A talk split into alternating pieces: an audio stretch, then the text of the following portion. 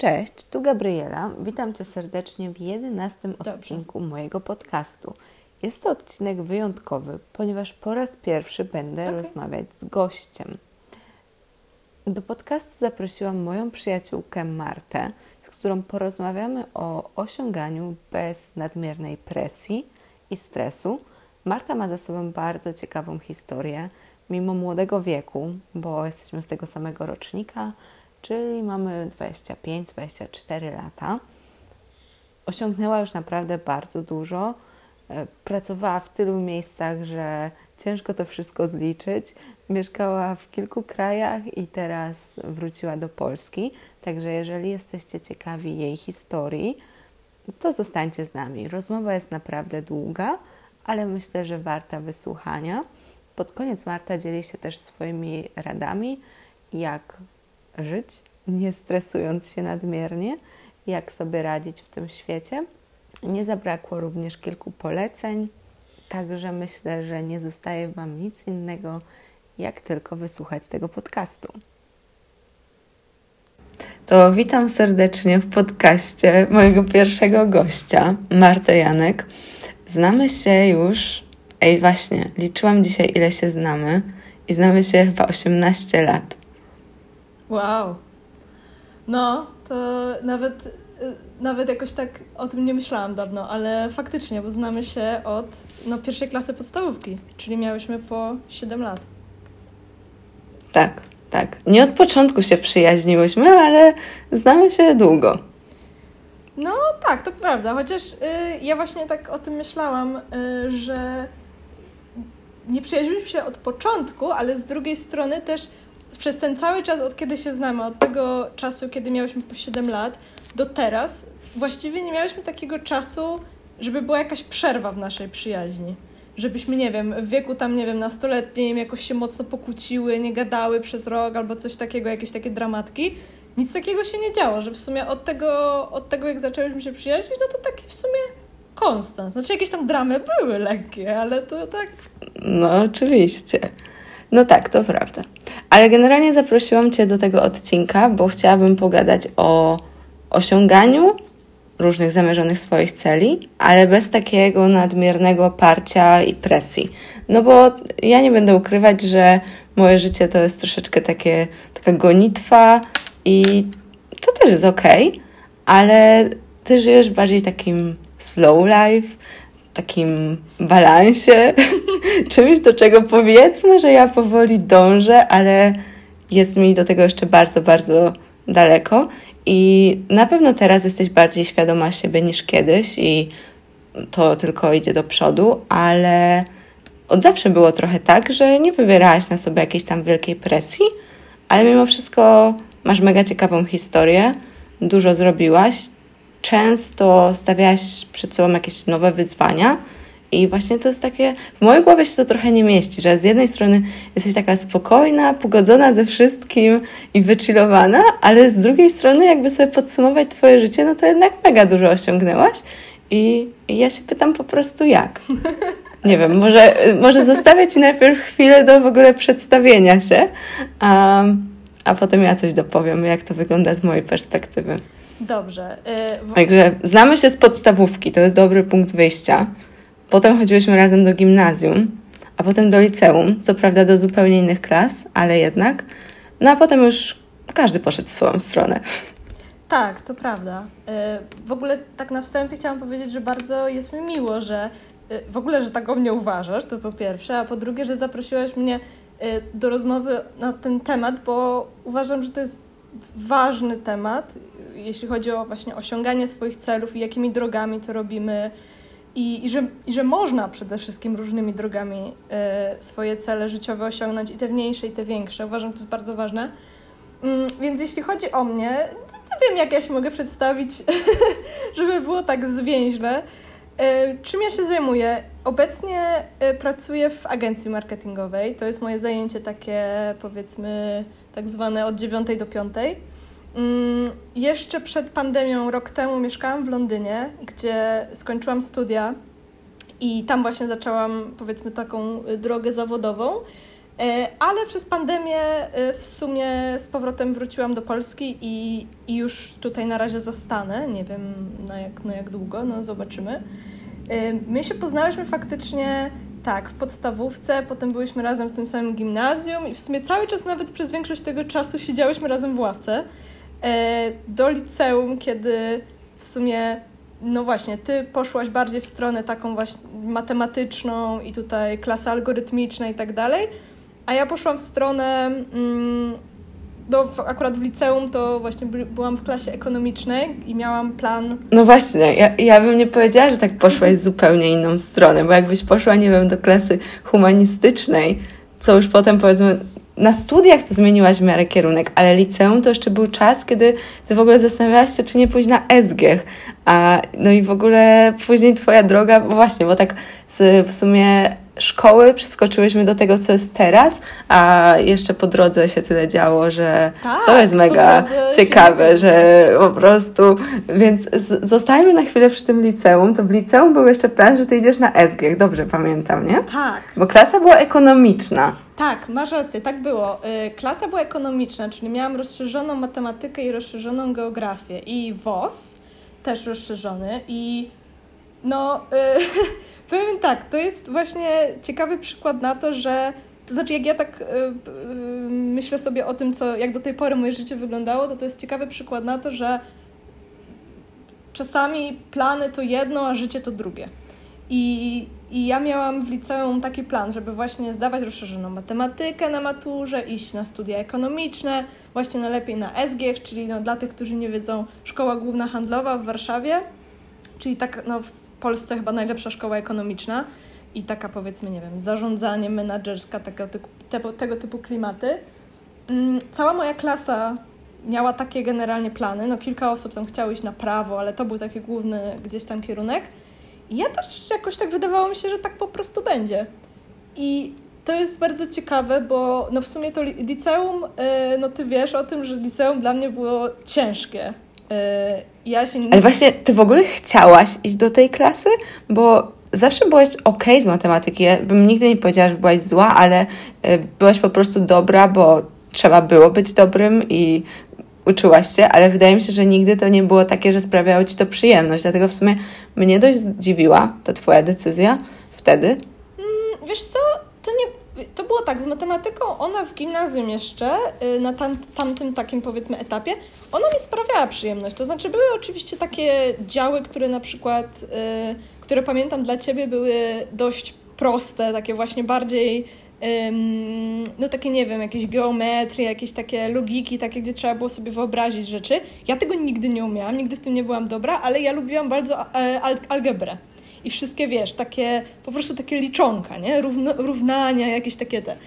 I to mi faktycznie sprawiało przyjemność, ale problemem moim było to, że mm, ja nie miałam żadnego przedmiotu, z, którym była, z którego byłabym jakoś super dobra, ani takiego, z którym byłabym super kiepska. Że było po prostu, wiesz, znaczy dobra, no może nie wiem, byłam kiepska, nie wiem, z biologii, no ale to nigdy tego nie rozważałam, bo nigdy mnie to nie ciekawiło. Ale... Mm, ta matematyka i właśnie WOS przede wszystkim, to, to, to, przede wszystkim ten WOS tak naprawdę, to było coś, co mnie bardziej ciągnęło do tej klasy ekonomicznej niż ta matematyka. I ja składałam wtedy, pamiętam, do liceum, też do innego liceum niż piątka, yy, gdzie też była klasa ekonomiczna. I jakoś ja byłam... Do dwójki? Nie, do, do Nie. PR-ów. A, to tak się troszeczkę inne ten, ten, bo wszyscy to piątka, dwójka, jedynka i ja to nawet PR-ów nie rozważałam. Wiesz, ja rozważałam, no właśnie wyłącznie dlatego, że tam była ta klasa, że ja po prostu wiedziałam, że ja nie chcę iść do klasy stricte matematycznej i nie chcę iść też do humana, bo human mi się tak kojarzył wtedy bardzo negatywnie, na takiej zasadzie, że no co ja będę robić po tym humanie, tak? No, że wiedziałam, że nie Ta, chcę... Trochę tak jest, no. ale... Ym ja też tak zawsze myślałam. W ogóle nigdy nie planowałam pójść do klasy humanistycznej, ale miałam takie zdanie, jak teraz mówisz, dopóki nie poszłam do piątki. Bo piątka i klasa B, czyli to bardziej taka prawnicza, no ale dalej humanistyczna, ale A po części też.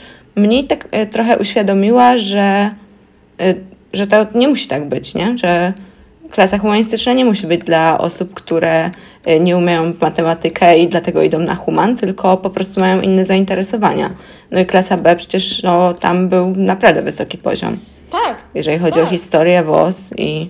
I totalnie się zgadzam. Nie wiem jak w innych szkołach. Wiesz co, mm, ja jak teraz o tym myślę, to gdybym teraz jeszcze raz zdawała do liceum, to myślę, że na 100% bym, bym składała do klas humanistycznych. Pewnie nie w piątce, bo jednak do tej szkoły, mimo nieważne jaka klasa, ja mam do tej szkoły bardzo dużo zarzutów, e, ale tak czy siak na pewno bym składała do takiego profilu. No, to, że wybrałam taką, taką klasę, to był gdzieś tam wpływ mojej rodziny, gdzieś tam mojego rodzeństwa i no i wyszło jak wyszło. No ja się z matematyką, jak wiesz, bardzo męczyłam w liceum.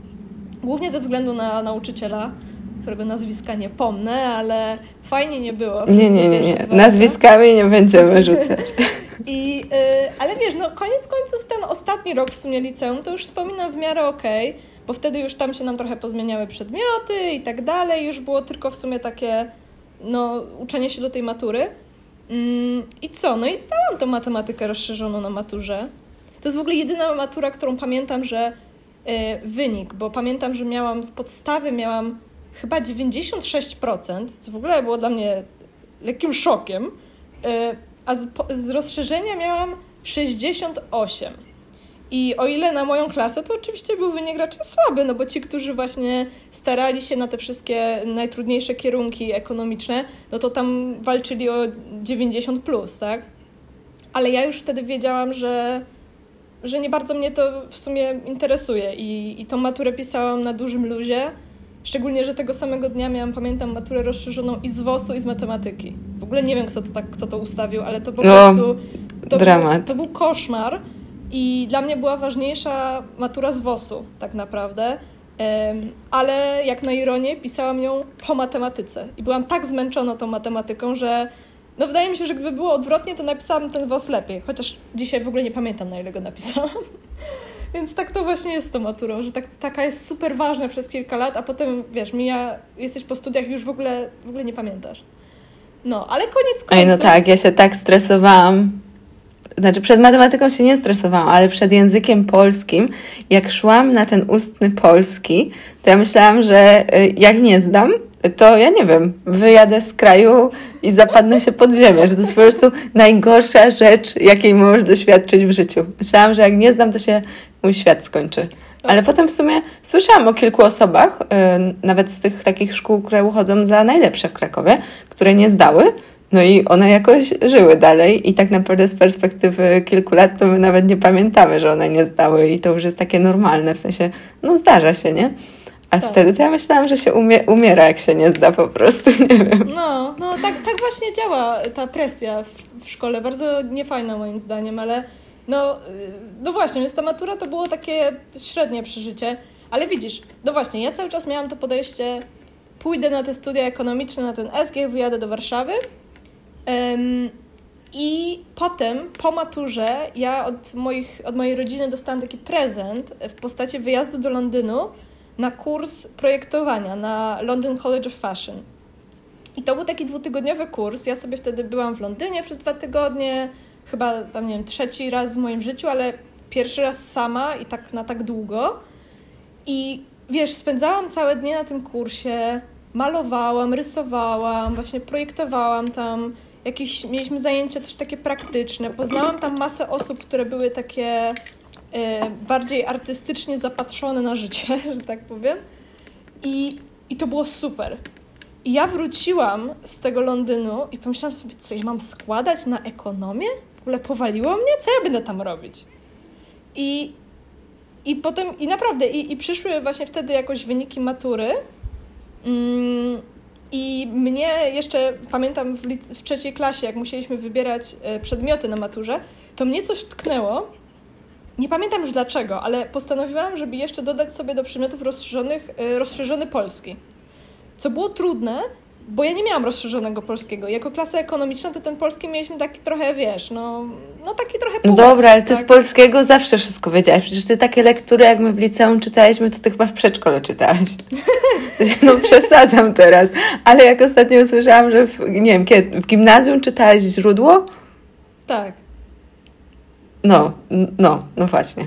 No, znaczy tak, no zawsze lubiłam czytać, to jest prawda, ale wiesz co, polski liceum dla mnie był super fajny, bo no właśnie, wszyscy u mnie w klasie nie bardzo się interesowali polskim i robili na nim zadania na matematykę, więc ja jako jedyna mogłam przez całą lekcję gadać. To było wspaniałe. Mogłam o tych lekturach dyskutować z naszą nauczycielką. Boże, co za kujon, ale yy, no to było bardzo fajne.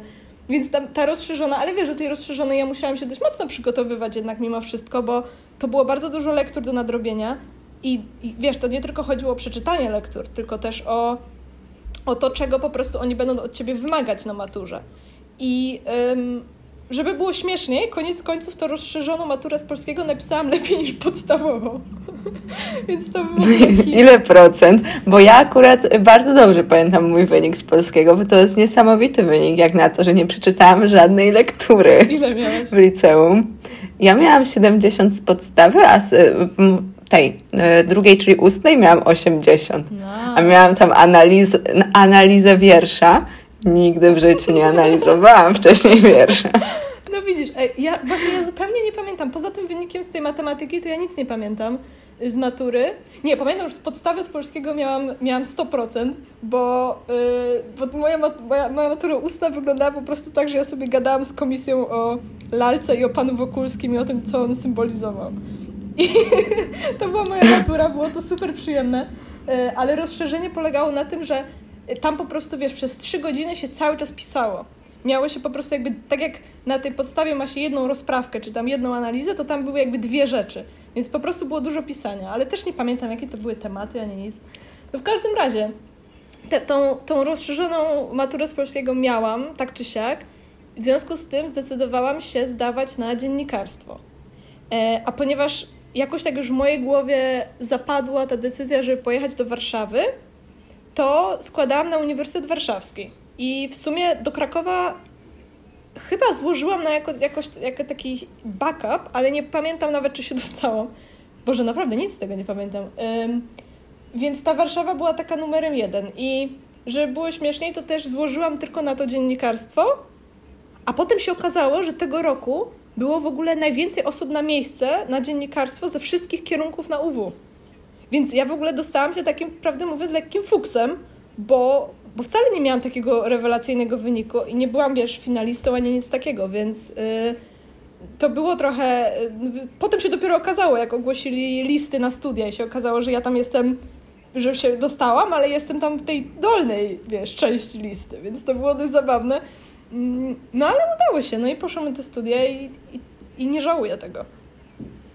No dobra, ale to jest dopiero pierwszy zwrot akcji z ekonomii do dziennikarstwa. Potem działo się więcej, ale tak jeszcze do tego z zapisów na studia, to ja też tak składałam, że ja w ogóle nie zakładałam, że można się nie dostać. E, I pamiętam, że złożyłam tam, gdzie studiowałam na UJ e, informatykę analityczną e, i złożyłam też do Warszawy na podobny kierunek. Nie, chyba na dwa, bo jeden był taki bardzo podobny, że wtedy jeszcze nie wiedziałam, jak bardzo podobno, ale potem okazało się, że to bardzo, bardzo jest podobny kierunek na Mimowie. A drugi to po prostu brzmiał mi ciekawie, bo to było jakieś e, połączenie informatyki z ekonomią. No i ogólnie na wszystkie te trzy kierunki był bardzo wysoki próg. E, I jakoś nie myślałam o tym, co będzie, jak się nie dostanę. Nie wiem, po prostu. No, ale nie, no są jakieś drugie rekrutacje. Nie byłoby końca świata chyba, jakbyśmy się nie dostały. Wiesz co, ale... chyba ale z drugiej strony ja też, ja pamiętam, że ja o tym chyba nie myślałam, dlatego że ta matura i to wszystko było tak jakieś takie stresujące i tyle wymagało, wiesz, uwagi i wysiłku, że ja w sumie potem już tak złożyłam na te studia tak ostatkiem sił i już miałam takie trochę, dobra, dajcie mi spokój na te kilka miesięcy, nie mam siły już o tym myśleć. Więc, ale myślę, że wiesz, no tam były na przykład też, pamiętam u mnie listy rezerwowe i w ogóle, bo ludzie przecież też składali na kilka różnych kierunków, więc y, potem były jakieś roszady i pamiętam, że trochę osób, które znałam, które były na listach rezerwowych na przykład u mnie na studiach, to koniec końców y, się dostawały, no, albo zaczynały trochę później rok, albo coś takiego, no, ale wtedy, wtedy się też tak nie myślało, bo no nie wiem, jakie masz y, wspomnienia, ale dla mnie to było tak, że mi się wydawało trochę, że studia to tak jak szkoła. W takim sensie, że. Tak, że po prostu taka. Ja tak miałam totalnie w ten sposób, że. Bo ja w ogóle chciałam iść na medycynę i jak już odpuściłam ten pomysł, że nie zdaję tej biologii i chemii, to dla mnie to, że będę zdawać tylko matematykę rozszerzoną, no i wiadomo angielski, E, chyba nie jest obowiązkowy angielski rozszerzony. No ale powiedzmy, jak się tam uczy tych języków. Ale chyba jest jakiś język, musisz zdawać rozszerzony w tym momencie. Nie jestem pewna. Okej, okay. no, no właśnie, no, dla mnie to były tak basic te przedmioty, że po prostu poczułam taką ulgę, że nie będę zdawać tej biologii i chemii, że ja już od tego momentu nie uczyłam się nic, jak to postanowiłam. No i tylko potem jakiś polski tydzień przed coś tam powtarzałam, ale po prostu dla mnie to była taka ulga, że w ogóle nie zakładałam, że to jakby był taki plan B, nie? I w ogóle nie zakładałam, że plan B może się nie udać, tylko właśnie taka naturalna kontynuacja tego, co w liceum. Nie wiem, czy dalej teraz ludzie tak myślą, ale no tak totalnie było, że no trzeba iść na studia. Jak to by nie iść na studia? Tak, to prawda. I znaczy też tak sobie myślę dzisiaj z perspektywy tych kilku lat, że wiesz, jakie my byłyśmy w ogóle super uprzywilejowane, że miałyśmy takie myślenie, nie? że kończysz, kończysz liceum i to jest normalne, że idziesz na studia. A przecież dla tylu ludzi wcale nie jest takie normalne, bo jak masz iść na studia i jeszcze do tego chcesz iść na przykład w innym mieście, to to się wiąże z kosztami. I ja, to, ja sobie z tego zdałam sprawę właśnie dopiero, y, jak już byłam na studiach w Warszawie na pierwszym roku. I ja się zetknęłam z tym, że była u mnie, no przeważająca większość osób była spoza Warszawy. I mieli różne sytuacje życiowe. I bardzo wiele z nich musiało pracować od samego początku po prostu, żeby się w ogóle w Warszawie utrzymać, bo no już wtedy Warszawa była, wiesz, o wiele droższym miastem do, do mieszkania niż cała reszta Polski. I, i ceny mieszkań i tak dalej były, były śmieszne, więc to, to w ogóle, że, że można było na te studia pojechać i w sumie, i w sumie zajmować się wyłącznie studiowaniem, to no, to jest naprawdę, to nie jest to nie każdy tak ma. No. Ja to dopiero po latach zrozumiałam. No, ale i tak wiesz, że oni mieli możliwość i pracy, i studiów, bo ja nie wyobrażam sobie na pierwszym roku studiować i pracować. W sensie po prostu tego wszystkiego było za dużo, a na przykład studiując taką medycynę, to już w ogóle. No kiedy ci ludzie mieliby pracować? W sensie, jak chcesz iść na medycynę i twoich rodziców na to nie stać, to ja nie wiem, co masz zrobić. W sensie, tak. jak jest ktoś, kto to zrobił, to mega podziwiam i chciałabym poznać taką osobę, ale no nie spotkałam. Tak, myślę, po że to jest za dużo nauki. Wtedy po prostu musisz y, zamiast właśnie nie iść od razu po, po liceum na studia, tylko kilka lat poświęcasz na to, żeby, nie wiem, odłożyć pieniądze, nie? Pracować i odłożyć i potem móc iść na studia. No nie wiem. Tak. Ale... Chyba tak. Dla mnie też na przykład, jak zaczęłam studia, to yy, ponieważ no właśnie, ja zaczęłam dziennikarstwo i medioznawstwo na Uniwersytecie Warszawskim dziennie i od samego w sumie początku mówili nam wszyscy dookoła, starsi studenci, yy, wykładowcy i tak dalej, że jeśli chcemy pracować w zawodzie, czytaj być dziennikarzami, to musimy zbierać doświadczenie od samego początku. I wszyscy nas do tego cały czas yy, cisnęli. No i tutaj to był taki mój duży problem na studiach, bo no, jak wiadomo, praca dziennikarza to w większości nie jest dochodowe zajęcie. E, jak jeszcze jesteś studentem i mało umiesz, to no, w większości jakieś staże i tego typu rzeczy to są wszystko darmowe, tak? Mm, I znowu wracamy do tego samego, że e, no jesteś na studiach, robisz jakiś tam staż powiedzmy przez pół etatu, tak? Nie wiem, dwa i pół dnia w tygodniu, a jeszcze w sumie fajnie by było mieć jakąś pracę, która daje ci pieniądze, żeby cię było stać na życie w Warszawie. Bo nawet ja y, miałam pomoc jakby finansową od rodziców i to mi pozwalało się utrzymać, ale jak już chciałam cokolwiek ekstra, czyli jakieś, nie wiem, albo jakiś wyjazd, albo jakieś właśnie, wiesz, przyjemności życia w stolicy, no to, to musiałam na to zarobić. I to w pewnym momencie robił się problem, no bo, no właśnie, jak zarabiać na bezpłatnym stażu? Nie, to jest y, chore. Ja nie rozumiem. W sensie, ja nie żyję w tym świecie i ten problem mało mnie dotyka, ale jak o tym słucham, to nie wiem, dlaczego tak jest. Ja tego nie rozumiem po prostu. Dlaczego tak jest, a w IT tak nie jest? W sensie, bardzo się cieszę, że tak nie jest, ale to powinno być standard, tak? No to samo właśnie na medycynie, czy jeżeli chodzi o prawo. Darmowe praktyki. Nie no, o co chodzi? Wiesz, no o to chodzi, że po prostu pracujesz w miejscach, które nie mają kasy. To tylko o to chodzi. No na przykład ja pracowałam na pierwszym roku studiów. E, miałam właśnie staż w takim magazynie, który się, takim magazynie online, który zajmował się modą. Bo wtedy jeszcze właśnie po tym właśnie kursie projektowania w Londynie i w ogóle tak chciałam jeszcze zobaczyć, czy mogłam to dziennikarstwo połączyć właśnie z modą i zajmować się dziennikarstwem konkretnie modowym. Um, I miałam ten staż bezpłatny i dlatego, że w tej, w, tej, w tej redakcji było mało dziennikarzy. Oni, no nie wiem ile zarabiali, ale na pewno nie były to wielkie pieniądze, bo to był właśnie magazyn online, taki jakich wiele tak naprawdę. I nie bardzo, poza tam jakimiś y, artykułami sponsorowanymi czy reklamami, no to nie bardzo miał, nie, niewiele miał jakby źródeł dochodów po prostu. W związku z tym ja pracowałam za darmo chyba przez trzy miesiące i ja jestem w ogóle za to bardzo wdzięczna, bo gdyby nie to doświadczenie, to ja może bym myślała, że nadal chcę iść w tym kierunku.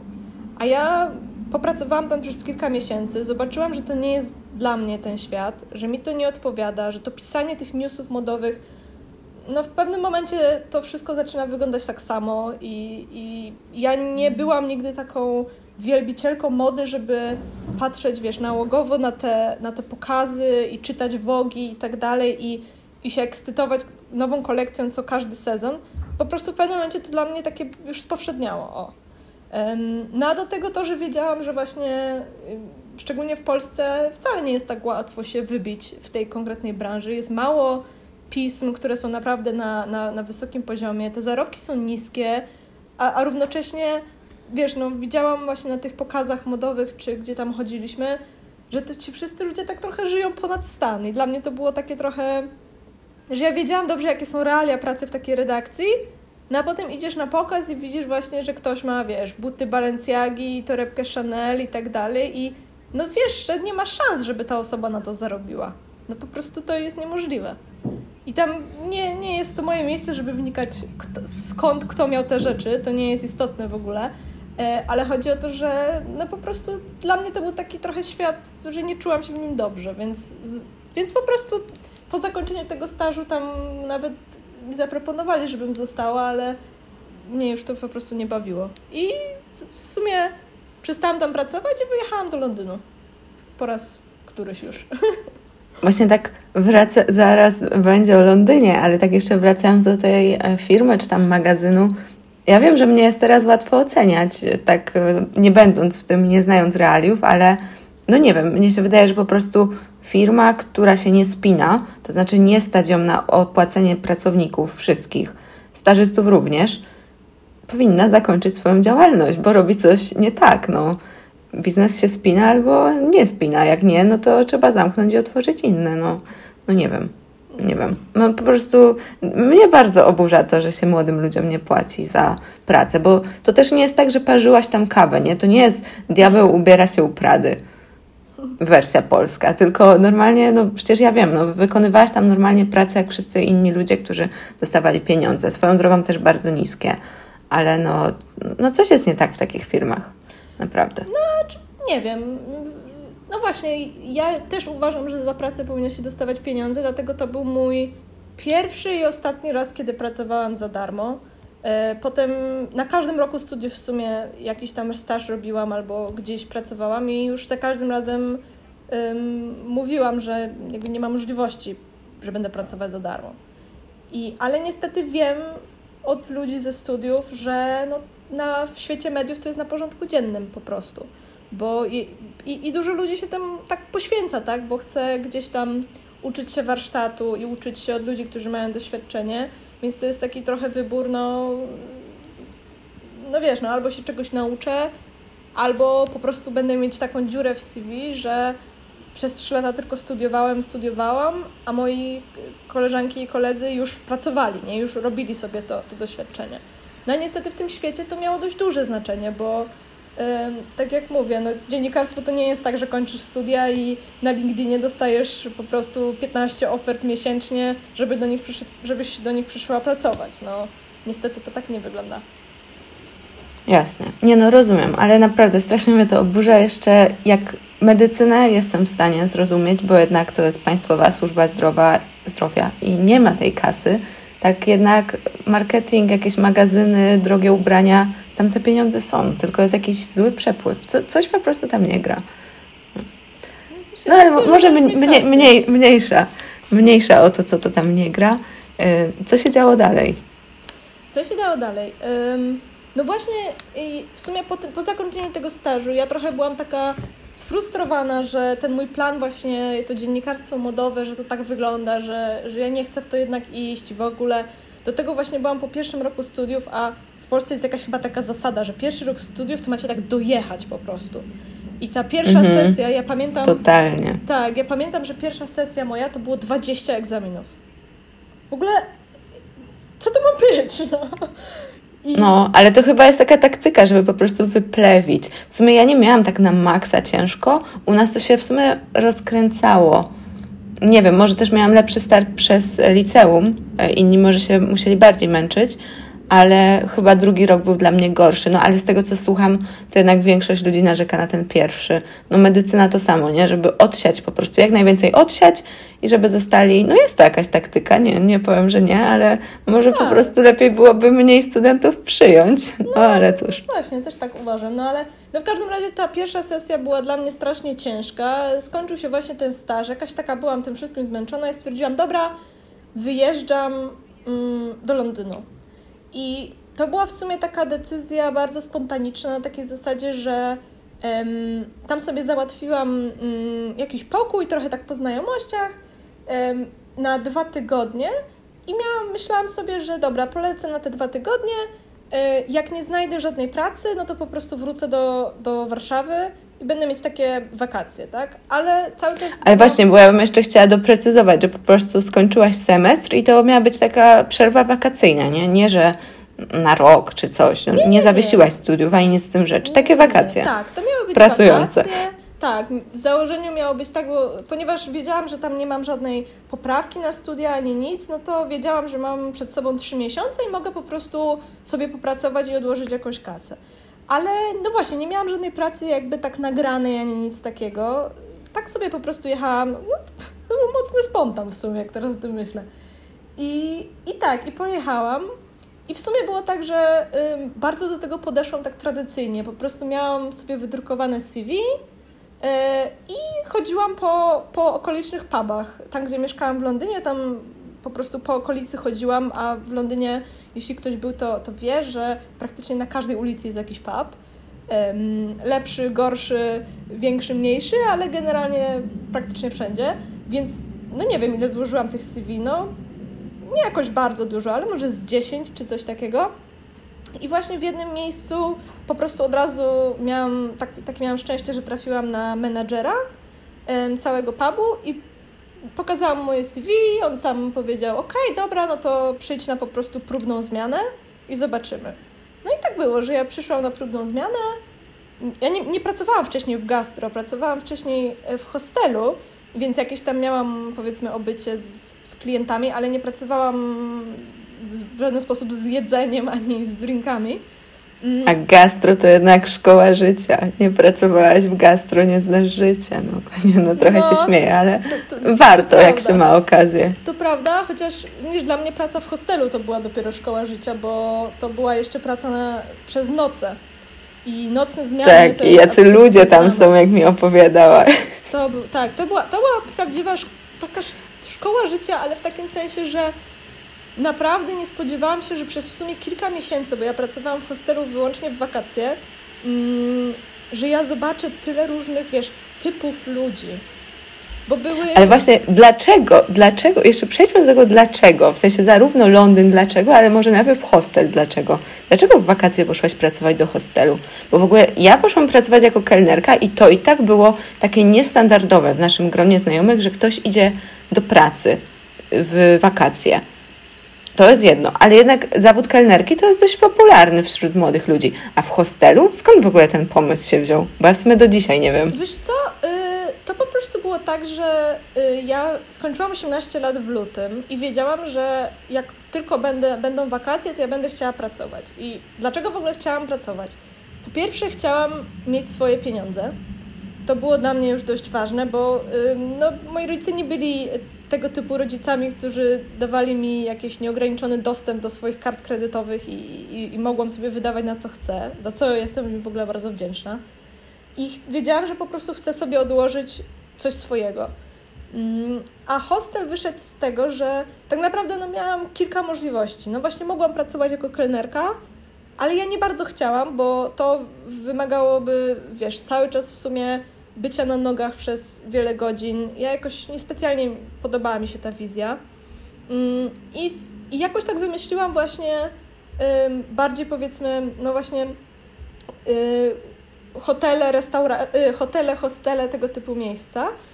I nie pamiętam dlaczego tam akurat poszłam, ale y, jakoś tak było, że szukałam po prostu hosteli, które były w miarę blisko naszego, naszej szkoły. Po prostu najpierw w internecie sprawdzałam, wiesz, adresy i napisałam po prostu maila do, do kilku różnych. I z tego mi akurat odpisali, że, że w sumie szukają kogoś na wakacje i, i żebym przyszła na rozmowę. No i tak, mhm. i tak wyszło. I, i w sumie to w sumie ja miałam dokładnie te same powody, dla których zaczęłam pracę, ale no jednak gdzie indziej. I u ciebie to niezłe były kwiatki, jak mi opowiadałaś. Masz w ogóle w głowie jakąś taką najdziwniejszą rzecz, która cię spotkała w hostelu? Tak, o Boże, to jest coś takiego, co naprawdę czasami do mnie wraca. To było, to było straszne doświadczenie. To był, mm, to był już, już drugi sezon mojej pracy tam, to znaczy już drugie wakacje i nie, no to nie, to nie mogło być tak źle, jak dwa razy do tego samego miejsca e, no wróciłaś, bo, słuchaj.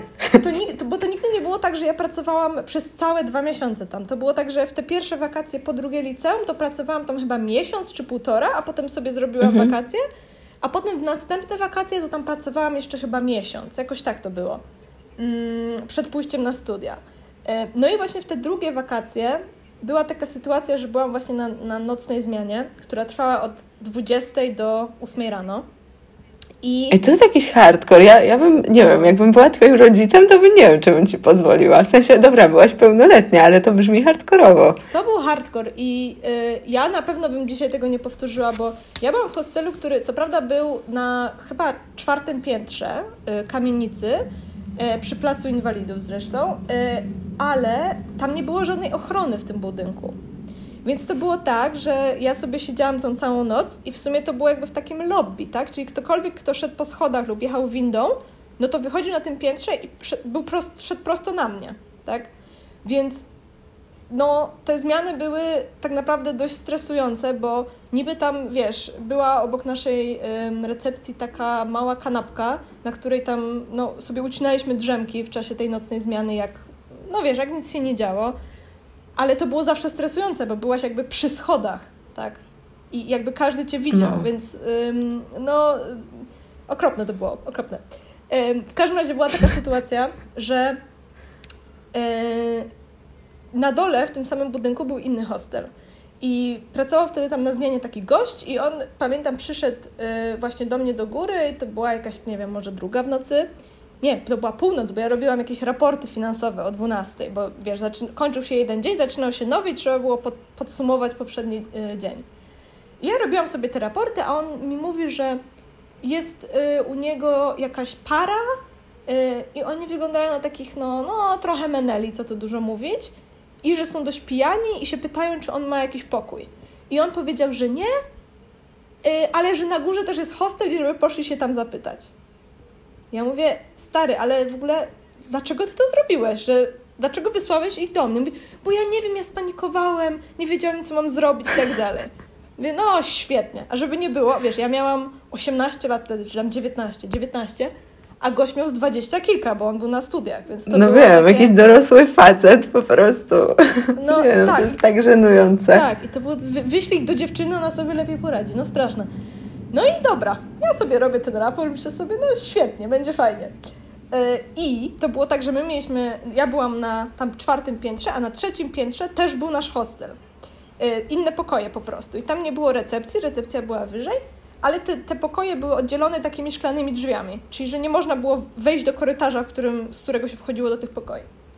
I ja słyszę w pewnym momencie takie walenie w te drzwi, ale takie po prostu, że wiesz, idzie łoskot na całą yy, klatkę schodową. I ja tak patrzyłam tam przez, tak, tak bokiem, żeby mnie nie było widać, patrzyłam przez, przez te schody, co się dzieje tam, a to była właśnie ta parka, która przyszła, szukając tego właśnie drugiego hostelu, czyli mnie, I y, waliła w te drzwi, myśląc, że to tam jest i że oni się nie mogą po prostu dostać.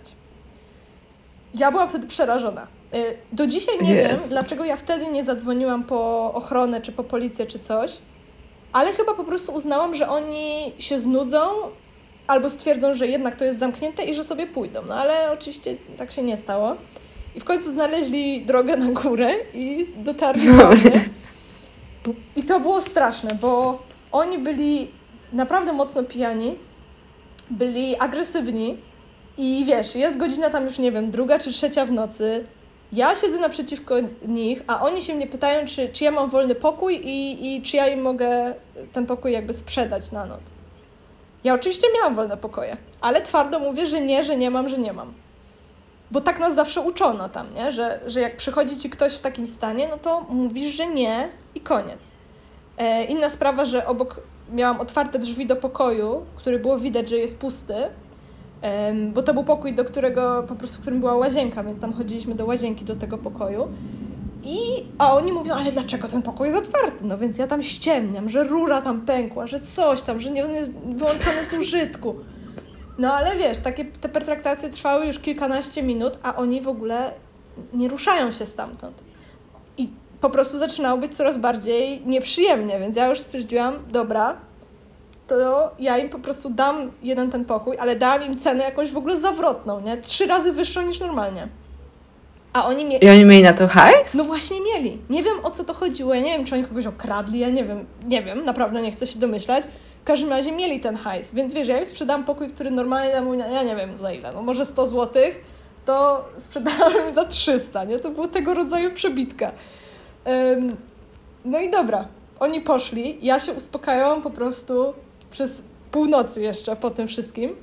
No a niestety następnego dnia, jak ja już poszłam do domu, no to się potem okazało, że oni oczywiście zrobili rozróbę w tym pokoju, że nie chcieli się wymeldować. E, no i tego typu różne przyjemności, więc wiesz, ja dostałam okrzan jeszcze, e, że, że w ogóle im ten pokój sprzedałam. No i to jest, znaczy to, to było bardzo niesprawiedliwe, bo uważam, że y, ja oczywiście powinnam była zadzwonić po ochronę po prostu, ale to nie jest tak łatwo podjąć taką decyzję, jak stoisz na no jasne, tych ludzi, to... którzy są wobec ciebie agresywni, ty nie wiesz, czy oni mają, wiesz, jakąś broń, czy nie. Nie mówię broń w sensie pistoletu, ale że mają po prostu nóż czy coś, a tacy ludzie zazwyczaj mają. Um, a, a, wiesz, dzwonić przy nich na policję, to ja, ja bym z tego chyba nie wyszła żywa, no, z tej, z tej rozmowy, no. więc... Tak, po tamtej, po tamtej sytuacji ja już nie wróciłam do, do hostelu. Powiedziałam, że już w ogóle nie ma takiej możliwości, że ja będę tam pracować. Więc tak, to była zdecydowanie najgorsza sytuacja, ale były też inne. No też były sytuacje kiedyś, jak gość palił w, w jednym z pokoi, a to uruchamiało alarm u mnie w recepcji. I ja wielokrotnie mu zwracałam uwagę, ale znowu była podobna sytuacja. To był taki młody gość, który był po prostu podpity już mocno. I ja za każdym razem, jak do niego pukałam do drzwi i mówiłam mu, zwracałam uwagę, żeby przestał palić, no to on za każdym razem robił się coraz bardziej agresywny, nie? I, i, i po prostu wyjeżdżał do mnie z epitetami różnymi i tak dalej.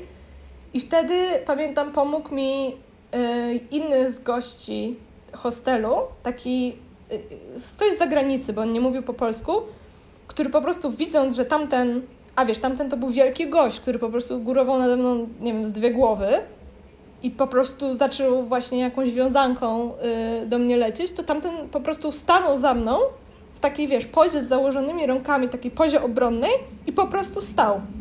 Żeby jakby dać mi poczucie bezpieczeństwa, że, że, że ktoś jest, tak? No i tamten gość wtedy się faktycznie jakby wycofał i, i, i faktycznie przestał palić i przestał obrzucać mnie obelgami. No i sytuacja jakby się rozeszła, tak? Po, po kościach. Nikt nie dostał w ryj ani nic. Ale też to była nie, taka to... sytuacja, no, no niefajna po prostu. To mega szkoła życia w sumie. No. no nie powiem, że komuś polecam w takim razie taką pracę. No, z perspektywy czasu się ciekawie, ciekawie o tym gada.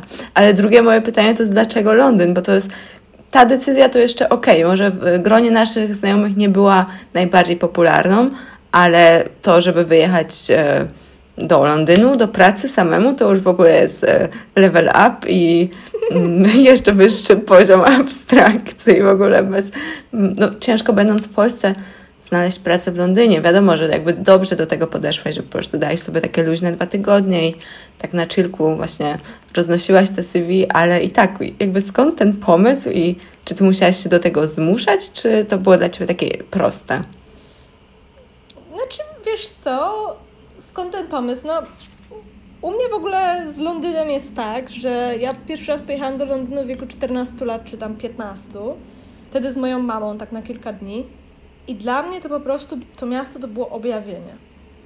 Ja się tam po prostu tak dobrze czułam, wszystko mi się podobało. Ten cały taka, taki jakiś taki vibe tego miasta, ta energia, to, że tam było tyle ludzi, tak różnych ludzi, w porównaniu do tego na przykład, co znałam z Polski, ja się zachwyciłam. I wiedziałam, że ja chcę do tego miasta wrócić. Ale wiedziałam też, że studia w Londynie są drogie, że życie w Londynie jest drogie. Nie bardzo też wtedy wiedziałam, no właśnie, na jakie studia bym chciała pójść, nie wiedziałam, jak do tego podejść, że jakaś matura międzynarodowa, to jakby nie do końca było tak wtedy w sferze moich zainteresowań, powiedzmy. I wtedy ta decyzja, żeby pojechać do pracy, to była po prostu taka na zasadzie, że ja chciałam zobaczyć, jak jest w Londynie, jak jest się tam dłużej niż na kilka dni, tak? Czyli już tak trochę poczuć się, że tam mieszkam i poczuć się, jakby się tam normalnie żyło, czyli właśnie to, że mam coś takiego stałego, tak? Czyli w tym przypadku praca.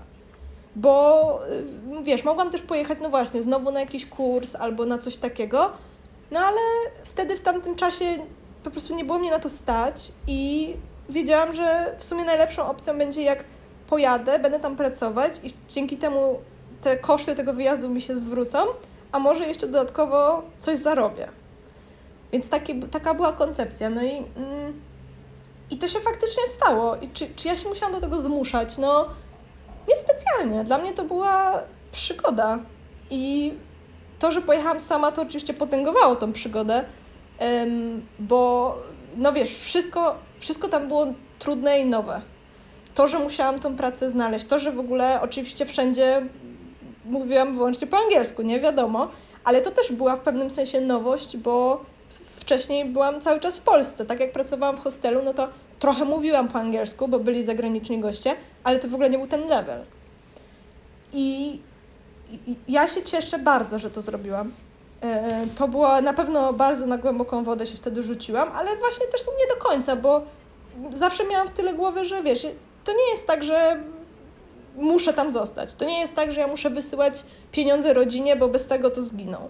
Tak? Tylko ja miałam takie bardzo luźne właśnie podejście, że okej, okay, spróbuję. Jak się uda, to to będzie na pewno przygoda życia. Jak się nie uda, no to trudno. To po prostu sobie pobędę w Londynie.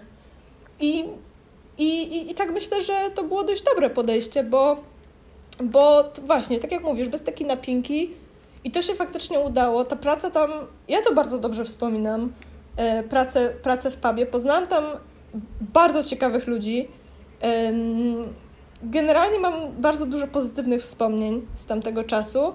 Do tego stopnia, że jak wróciłam do Polski wtedy i poszłam na drugi rok studiów, to przez pierwsze pół roku naprawdę psychicznie czułam się źle. W takim sensie, że myślałam sobie, a czy ja powinnam była wrócić? Czy ja tam nie powinnam była zostać? Po co ja wróciłam do tej Polski? I tego typu rzeczy.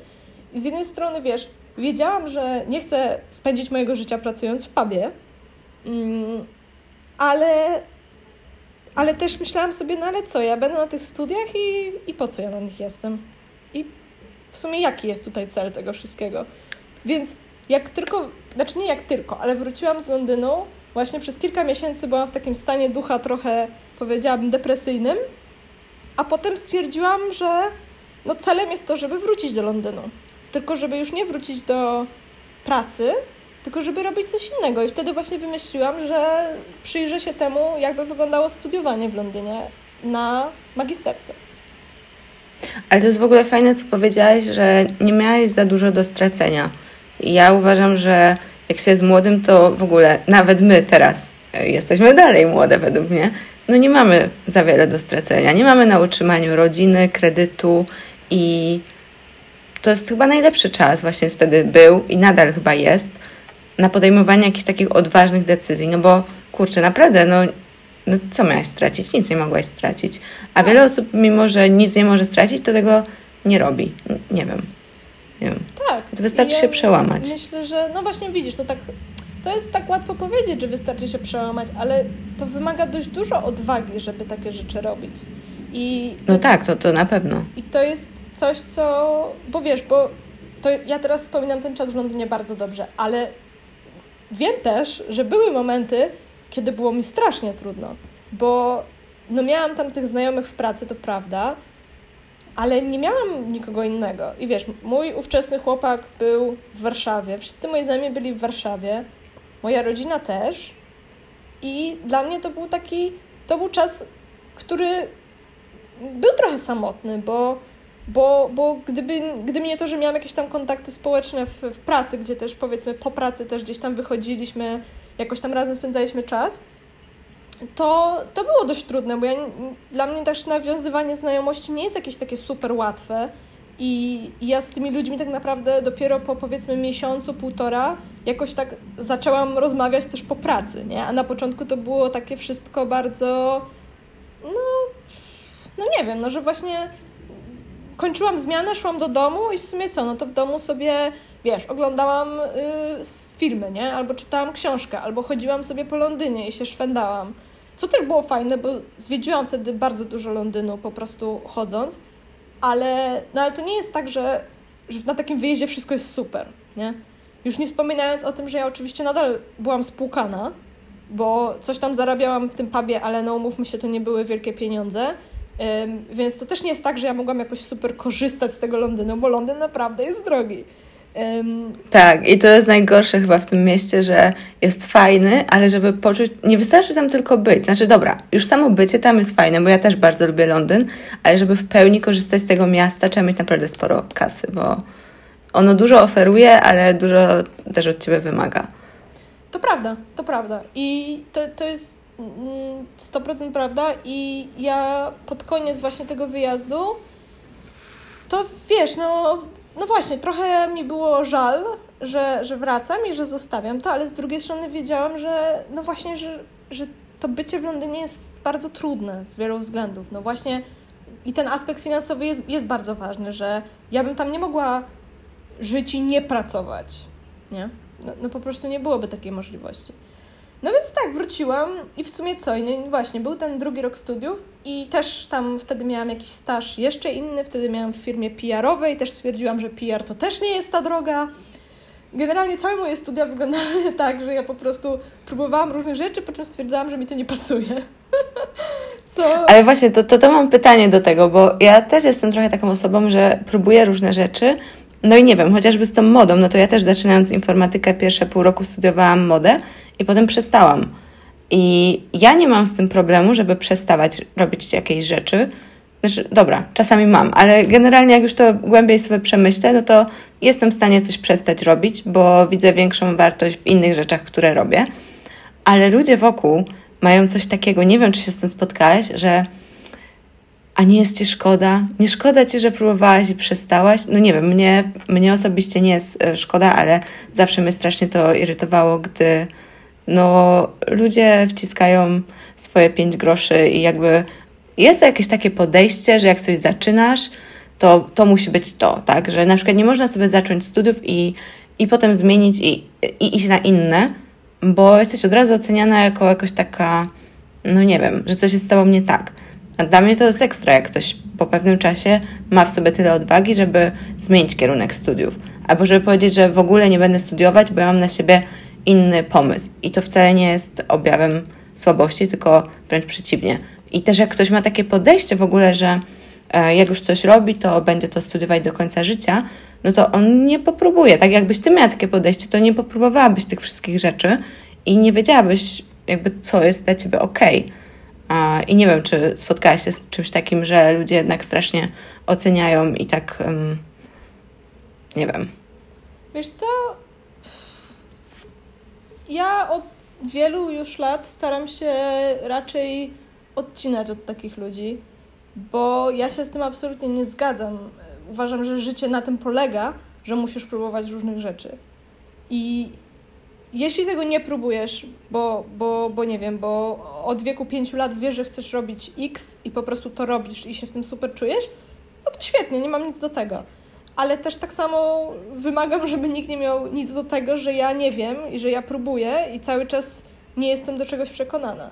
Ja miałam takie szczęście, że moi rodzice od początku takie właśnie podejście mieli, byli bardzo wyluzowani, jeśli chodzi o jakieś moje pomysły życiowe i zawsze właśnie to mi mówili, że musisz próbować różnych rzeczy, bo naprawdę mało kto ma tak, że znajduje coś, co mu się podoba, coś, co chce w życiu robić, czy nawet kogoś, z kim chce życie spędzić, bardzo wcześnie i potem już po prostu się tego trzyma. To, to się bardzo rzadko zdarza i nie wiem, no ja uważam, że, że to po prostu dodaje trochę życiu takiego koloru, jak tych rzeczy nowych próbujesz. To niekoniecznie musi być coś takiego właśnie w stylu wyjeżdżanie do innego kraju i próbowanie, jak tam się mieszka. To jest super trudne. Ale wiesz, to mogą być małe rzeczy, na takiej zasadzie, że właśnie, nie wiem, studiujesz, tak jak ja i moi znajomi, studiowaliśmy dziennikarstwo, ale to nie znaczy, że wszyscy zostaliśmy dziennikarzami. I ludzie różne rzeczy próbowali, a potem stwierdzali, że jednak nie to. I bardzo dużo było osób, które na przykład, wiesz, szło na studia z myślą, z marzeniem takim życiowym, że na przykład chcę być dziennikarzem muzycznym. Będę dziennikarzem muzycznym, kocham muzykę, wiem wszystko o koncertach i tak dalej, a potem rzeczywistość to weryfikowała, bo się okazywało, że no są ludzie lepsi od ciebie, jest tych miejsc do pracy mało, no może teraz nie uda ci się w tym pracować, to nie znaczy, że ci się nigdy nie uda, ale po prostu teraz musisz spróbować czegoś innego. I ja uważam, że jak ktoś ma takie podejście, że no właśnie, nie wiem, nie szkoda ci, czy coś w tym stylu, to po prostu bardzo dużo okazji może ci przejść koło nosa. Ja jakoś tak... tak, i też boisz się próbować. Jak ktoś ma w głowie coś takiego, że to musi być na zawsze i to musi być ta dobra decyzja, to takie osoby potem po prostu nie próbują, więc nigdy nie trafią. Bez próby nie trafisz na tą idealną rzecz. Tak. I no, tworzysz w głowie taką blokadę. I też jak ktoś tak mówi względem ciebie, to, to z reguły znaczy, że ta osoba ma po prostu taką blokadę. I ja też nie powiem, że ja się sugeruję takimi ludźmi, bo nie, ale zauważam to. Zauważam to, no nie wiem, chociażby jak chciałam iść na medycynę i później stwierdziłam nie, bo nie i nie muszę się nikomu z tego tłumaczyć, to moja rodzina była super wspierająca, to było ekstra, ale z jakichś tam dalszych, powiedzmy, krewnych i znajomych, no, słyszałam takie, takie jakby, no nie wyrzuty, no bo nikt mnie nie rozlicza z mojego życia, ale takie, o, czy ci nie szkoda, tyle nauki, tyle tego. No nie, nie szkoda mi. Nie szkoda mi żadnej nauki. Jakby żadna nauka nie idzie na marne, żadne doświadczenie nie idzie na marne. Tak. Wiesz, no ja jestem zdania, że ludzie zawsze mają swoje opinie na temat rzeczy, ale to, że ktoś ma opinię, to nie znaczy, że ma to jakiś wpływ na moją. No po prostu. To, że ktoś uważa o moim życiu coś, to nie znaczy, że ja w ogóle muszę tego wysłuchiwać, no po prostu. I to takie jest dla mnie teraz już dość oczywiste. Nie, zawsze było, ale też nad tym wiele lat pracowałam, żeby, żeby właśnie to, że ktoś uważa, że moje życie powinno wyglądać tak albo nie powinno wyglądać inaczej, żeby na mnie nie robiło to po prostu wrażenia. Ale to jest trudne, szczególnie jak na przykład, wiesz, masz 19 lat, prawda? I jesteś zagubiona i nie wiesz, co ty chcesz robić. A jak jeszcze słyszysz właśnie takie opinie, że no to, co teraz wybierzesz, to jest najważniejsze, już nigdy nie będziesz mogła tego zmienić, to jakie studia skończysz, definiuje cię na całe życie. Nieprawda. Nie definiuje cię, będziesz mogła to zmienić, będziesz mogła albo mógł robić jeszcze milion innych kierunków studiów i to jest ok. I nawet jak zrobisz medycynę mając trzydzieści kilka lat, to to też jest ok. Prawda. 100% się zgadzam. To się cieszę. No, ale jeśli chodzi o mm, moją historię, no to w sumie tak, to ten Londyn właśnie to spowodował, że potem zaczęłam mm, szukać kierunków studiów, uczelnie przede wszystkim, a potem kierunków studiów. I ja też bardzo chciałam studiować na magisterce coś taki bardzo określony kierunek i wiedziałam, że nie, ma za, nie mam zbyt dużo możliwości. I mogłam ten kierunek studiować w Stanach, co odpadało, bo było niesamowicie drogie. Albo właśnie w Londynie. No i, ten, i, i też składałam na uczelnię, która była poza Londynem, co było dla mnie taką opcją, no, no dobra, no jak już musi być, to musi być. Więc to była moja opcja zapasowa. Mm, ale ten Londyn był najważniejszy. No i mm, tak się szczęśliwie stało, że się dostałam na London School of Economics i mogłam te studia skończyć, mogłam na nie pójść w ogóle, mogłam, mogłam je skończyć i to było no to było świetne.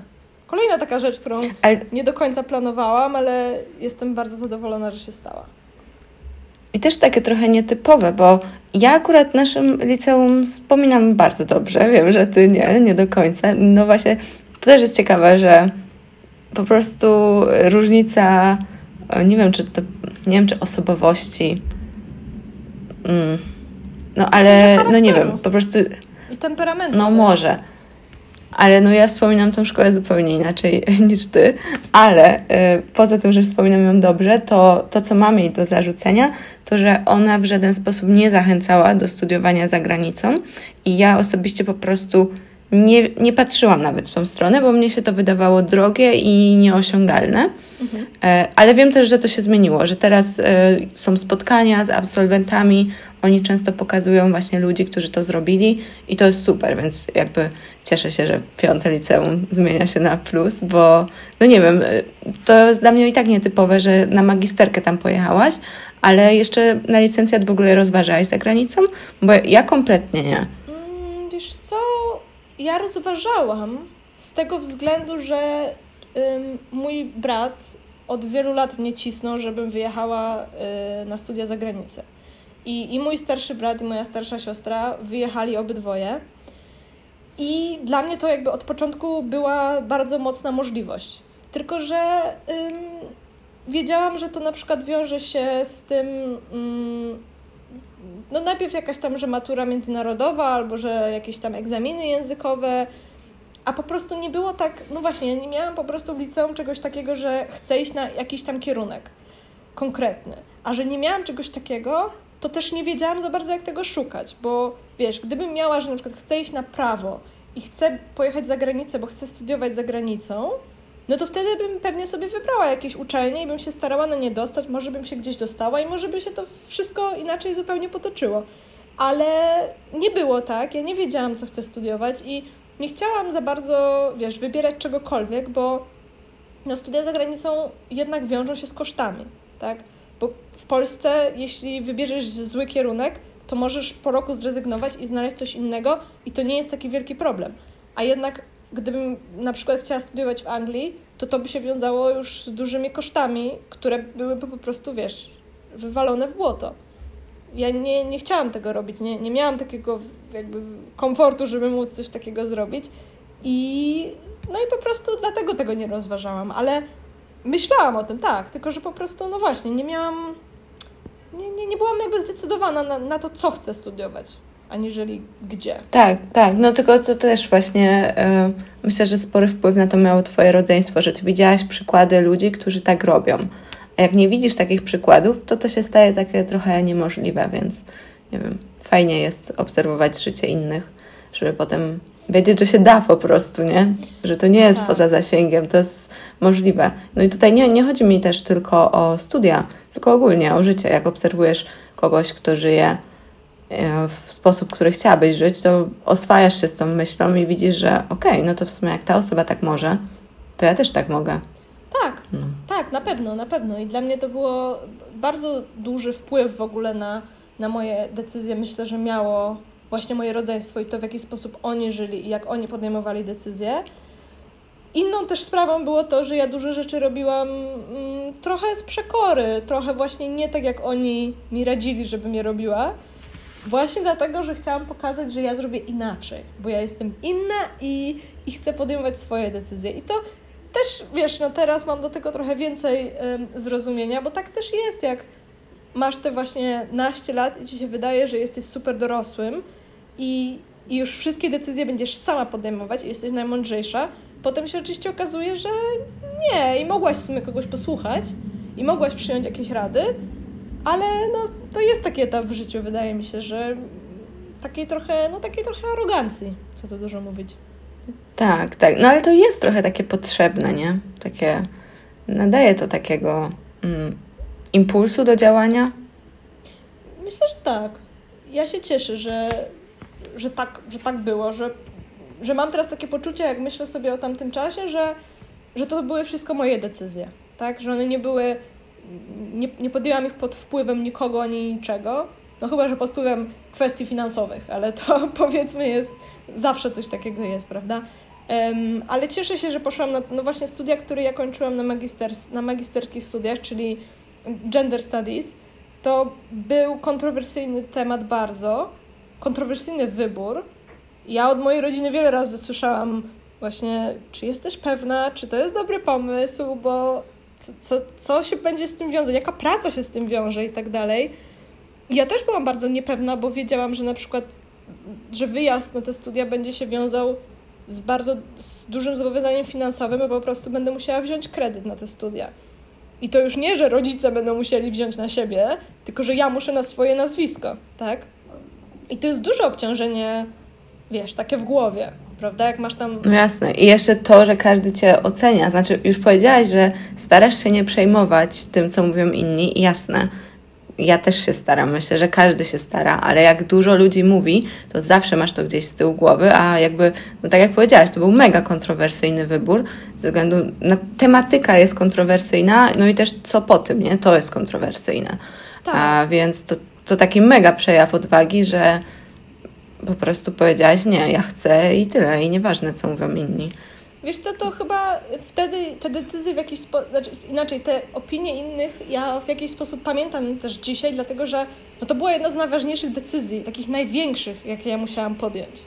I wiedziałam, że yy, no właśnie, przede wszystkim dlatego, że to była tak duża decyzja finansowa. I nie, nie, wiem, nie wiem, czy odwagi, po prostu myślę, że ja też raczej jak podejmuję już jakąś decyzję, to, to już raczej się jej trzymam, bo nie wiem, po prostu tak, tak mam, tak staram się jakoś funkcjonować i jak już zaczęłam czytać o tych studiach, zaczęłam się tam orientować, wiesz, jakie miałabym przedmioty, kto by mnie uczył, e, co muszę zrobić, żeby się tam dostać, to tak się wkręciłam w ten cały temat, że po prostu no, już nie wyobrażałam sobie, że wiesz, że będzie jakieś, e, że będę musiała z tego wycofać na przykład. Więc, no tak, więc tak się stało i tak jak mówię, cieszę się, że się tak stało, bo Mm, no na pewno ten rok na studiach w Londynie to po prostu był najcięższy rok dla mnie do tej pory y, w, w moim życiu, bo i studia były ciężkie, i życie w Londynie już takie na dłużej okazało się być ciężkie. Mm, generalnie ciężko, tak, ale no.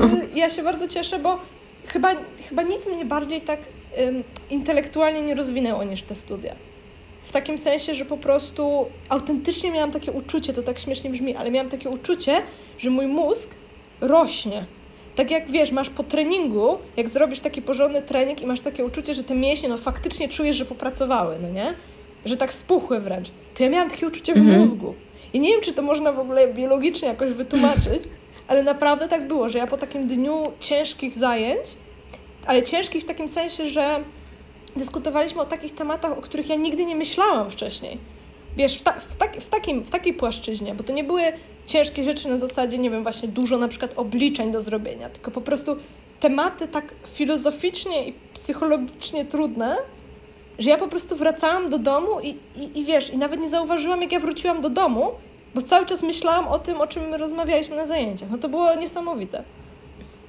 Właśnie ja bym kiedyś bardzo chciała porozmawiać e, z Tobą i Olą pewnie o różnicach między studiowaniem w Polsce i za granicą, bo no z tego, co gadamy tak prywatnie, to macie mega ciekawe spostrzeżenia i, i myślę, że to, to, to jest warte, bo po, po tym, co mówicie, to jednak to jest zupełnie inny poziom. I... Tak, zupełnie inny. To jest zupełnie inne to doświadczenie. Ciekawe, to jest ciekawy temat. Nie, no, no to właśnie, pogadamy o tym kiedyś, bo to jest temat rzeka, ale tak, zupełnie, ja mam zupełnie inne doświadczenia z obu kierunków. Dobra, to zbliżamy się powoli do końca Twojej historii, ale jeszcze jest jeden zwrot akcji, bo po studiach. Co się stało po studiach? Co się stało po Co było po? Bo w ogóle te, te studia trwały tylko rok. Ty nas wszystkich wyprzedziłaś. Wszyscy jeszcze magisterka, magisterka, a ty o, skończone. No i w tak. sumie musiałaś wejść w takie dorosłe życie rok wcześniej niż wszyscy. Tak. Ja w sumie pracowałam, więc ja w ogóle miałam takie łagodne to wejście mega, nie? Od stażu do e, pracy na pół etatu, do zwykłej pracy, więc mnie to tak też ominęło. Ale inni ludzie to mają taki szok, nie? Że studia, potem praca, a ty miałaś ten szok i to jeszcze rok przed wszystkimi. To, to prawda. E, I to było, to, to było dość ciężkie, dlatego że też, no właśnie w Anglii jest tak, i to szczególnie na tych studiach e, magisterskich, które właśnie są roczne, w związku z tym są bardzo intensywne, że nikt nie pracuje e, w tym samym czasie. Ja oczywiście pracowałam, bo coś mi strzeliło do głowy, że to będzie świetnym pomysłem. I nie, nie było świetnym pomysłem, bo byłam po prostu potwornie zmęczona przez jakieś 12 miesięcy. E, ale no właśnie, coś tam troszkę pracowałam, ale powiedzmy w niczym, co by mnie przybliżało do mojego zawodu, o, e, jakikolwiek on miałby być. E, I pisałam pracę magisterską.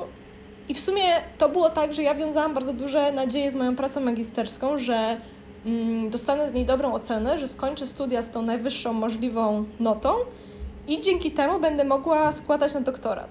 Taki był plan. No i w, w Anglii jest tak, że te studia trwają dosłownie 12 miesięcy, czyli było tak, że ja zaczęłam je we wrześniu 2019, 2018 i skończyłam we wrześniu 2019. Czyli przez całe wakacje pisałam pracę magisterską, oddałam ją we wrześniu, no i nagle okej, okay, to co teraz? I, y, ja właśnie miałam taki pomysł, żeby zacząć pracować, popracować sobie rok, zrobić sobie taką przerwę powiedzmy od studiowania i właśnie wziąć taki oddech, trochę zarobić jakąś kasę, a potem składać właśnie na doktorat. E, I zaczęłam faktycznie pracę.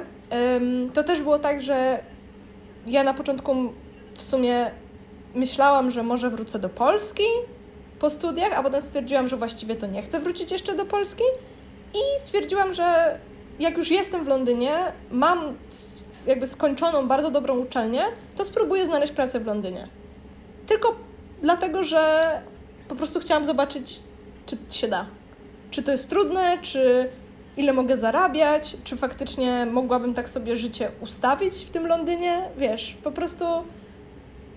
No, chyba taka była główna ciekawość. Plus też sobie pomyślałam tak, że jak teraz wrócę do Polski, to w sumie będę tylko miała rok tych studiów, to tak właściwie, wiesz, nie mam jakby takiej żadnej przewagi na tym rynku pracy.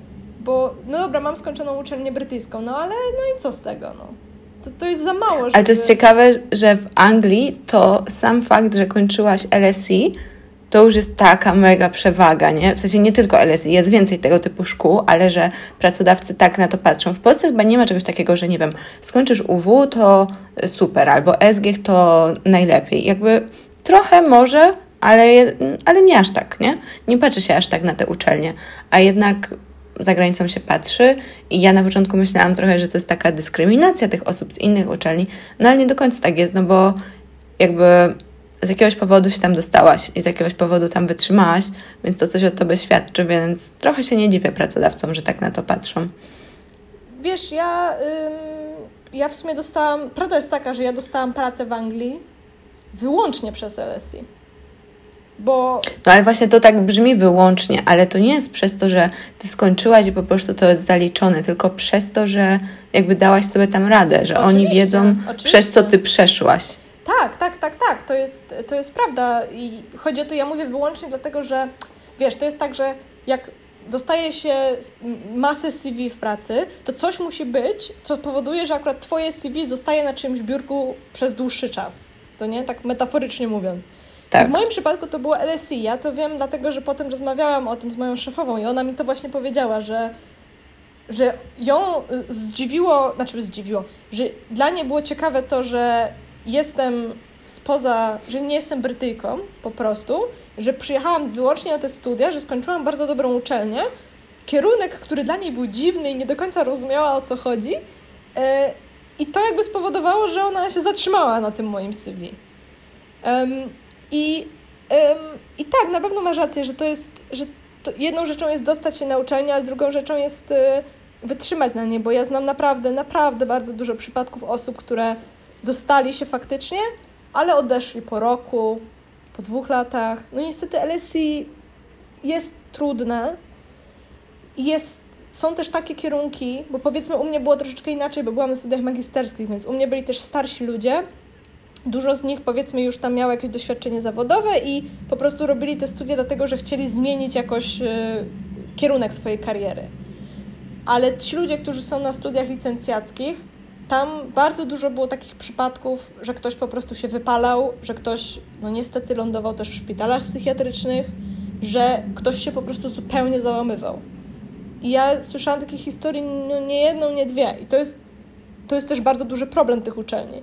Tak samo uczelnie typu Oxford czy Cambridge, o tym się nie mówi dużo, bo gdzieś tam może się to uważa za, mm, no, za jakąś taką smutną normę, tak? Że no tak jest, bo te uczelnie są wymagające i po prostu musi tak być. No to jest okrutne moim zdaniem, ale no na pewno na LSI ja to widziałam po prostu, że tak się z ludźmi dzieje. Więc jak przejdziesz przez to i gdzieś tam po prostu, no, no, no właśnie, nie załamiesz się i możesz funkcjonować um, i, i, jeszcze skorzystałeś z tego, czy skorzystałaś i, i, i dużo tych dobrych rzeczy, które są w tych uczelniach przyjęłaś, tak? Czyli na przykład właśnie, wiesz, różnego rodzaju organizacje, w których możesz brać udział. Tak jak ja właśnie byłam właśnie w jednej z takich organizacji, gdzie, gdzie robiliśmy fajne rzeczy dodatkowo poza studiami. To też jest taka wartość dodana tych studiów, nie? Bo mam wrażenie, że w Polsce na przykład też nie ma tego tak dużo. Nie jest to tak może rozwinięte. No więc tak czy siak tak. Generalnie LSI bardzo dużo mi dało, nie tylko tak powiedzmy naukowo, tylko też no takiej właśnie chyba też pewności tego, że potem sobie poradzę na tym rynku pracy, no bo czy może być gorzej niż było? No, chyba, znaczy nie wiem, na pewno może być, na pewno może być, ale na pewno ta szkoła daje, daje znaczy ta uczelnia daje taką trochę szkołę życia pod tym względem. Zarządzania stresem. O. Ale to, to chodzi o nadmiar nauki, czy o stres? Co tak najgorzej wspominasz? Najgorzej chyba tą rywalizację. Wiesz? Że. Okay. Bo, bo tak, nauki jest dużo.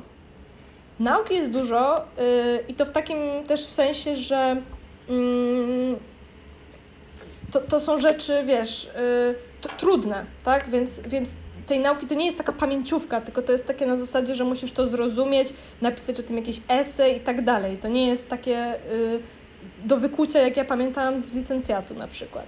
Więc to na pewno. No i, ale też właśnie ta rywalizacja, to, że wiesz, ludzie tam naprawdę bardzo mocno cisnęli, żeby dostać te najwyższe oceny, że to było takie super istotne. I, a dla mnie to było takie trochę śmieszne, bo, ym, no bo nie do końca rozumiałam, wiesz, ym, znaczy inaczej rozumiałam, że na przykład jeśli ktoś chce iść na doktorat, to musi mieć najwyższą ocenę, prawda, bo inaczej się nie dostanie. Ale śmieszne było dla mnie to trochę, jak wielką ludzie wagę do tego przywiązywali.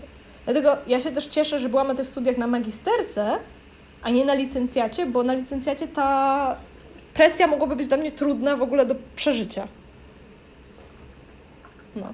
Więc, ym, więc to tak, to było, to było na pewno ciężkie. No i właśnie jakaś taka jakaś taka. Mm, takie podejście, że ponieważ już jesteśmy na tej uczelni, to właśnie, wiesz, ma być tak ciężko.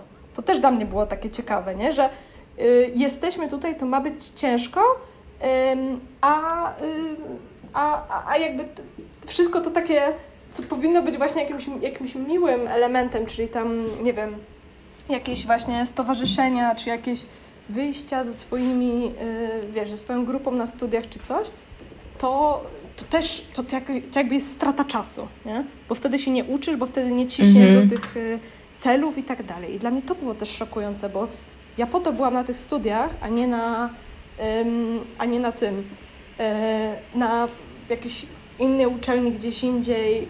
No nie wiem, gdzie by mogła być, ale właśnie też po to, żeby mieć ten experience taki inny niż tylko uczenie się. Yy, no a to było takie trochę właśnie, no może nie, że ktoś na to tak tego nie szanował, ale tak trochę patrzył na to tak, no lekka strata czasu, no moglibyśmy się pouczyć. No ja wiem, ja też bardzo wiele takich złych, nie wiem czy nawyków, takich wiele złych schematów myślenia wyniosłam z uczelni. To, to można zreasumować, że żeby przejść przez LSI musisz zaprzedać swoją duszę. Coś tak powiedział kiedyś o TCS-ie i to troszeczkę jest w tym prawdy. No. Tak, tak, no troszeczkę tak.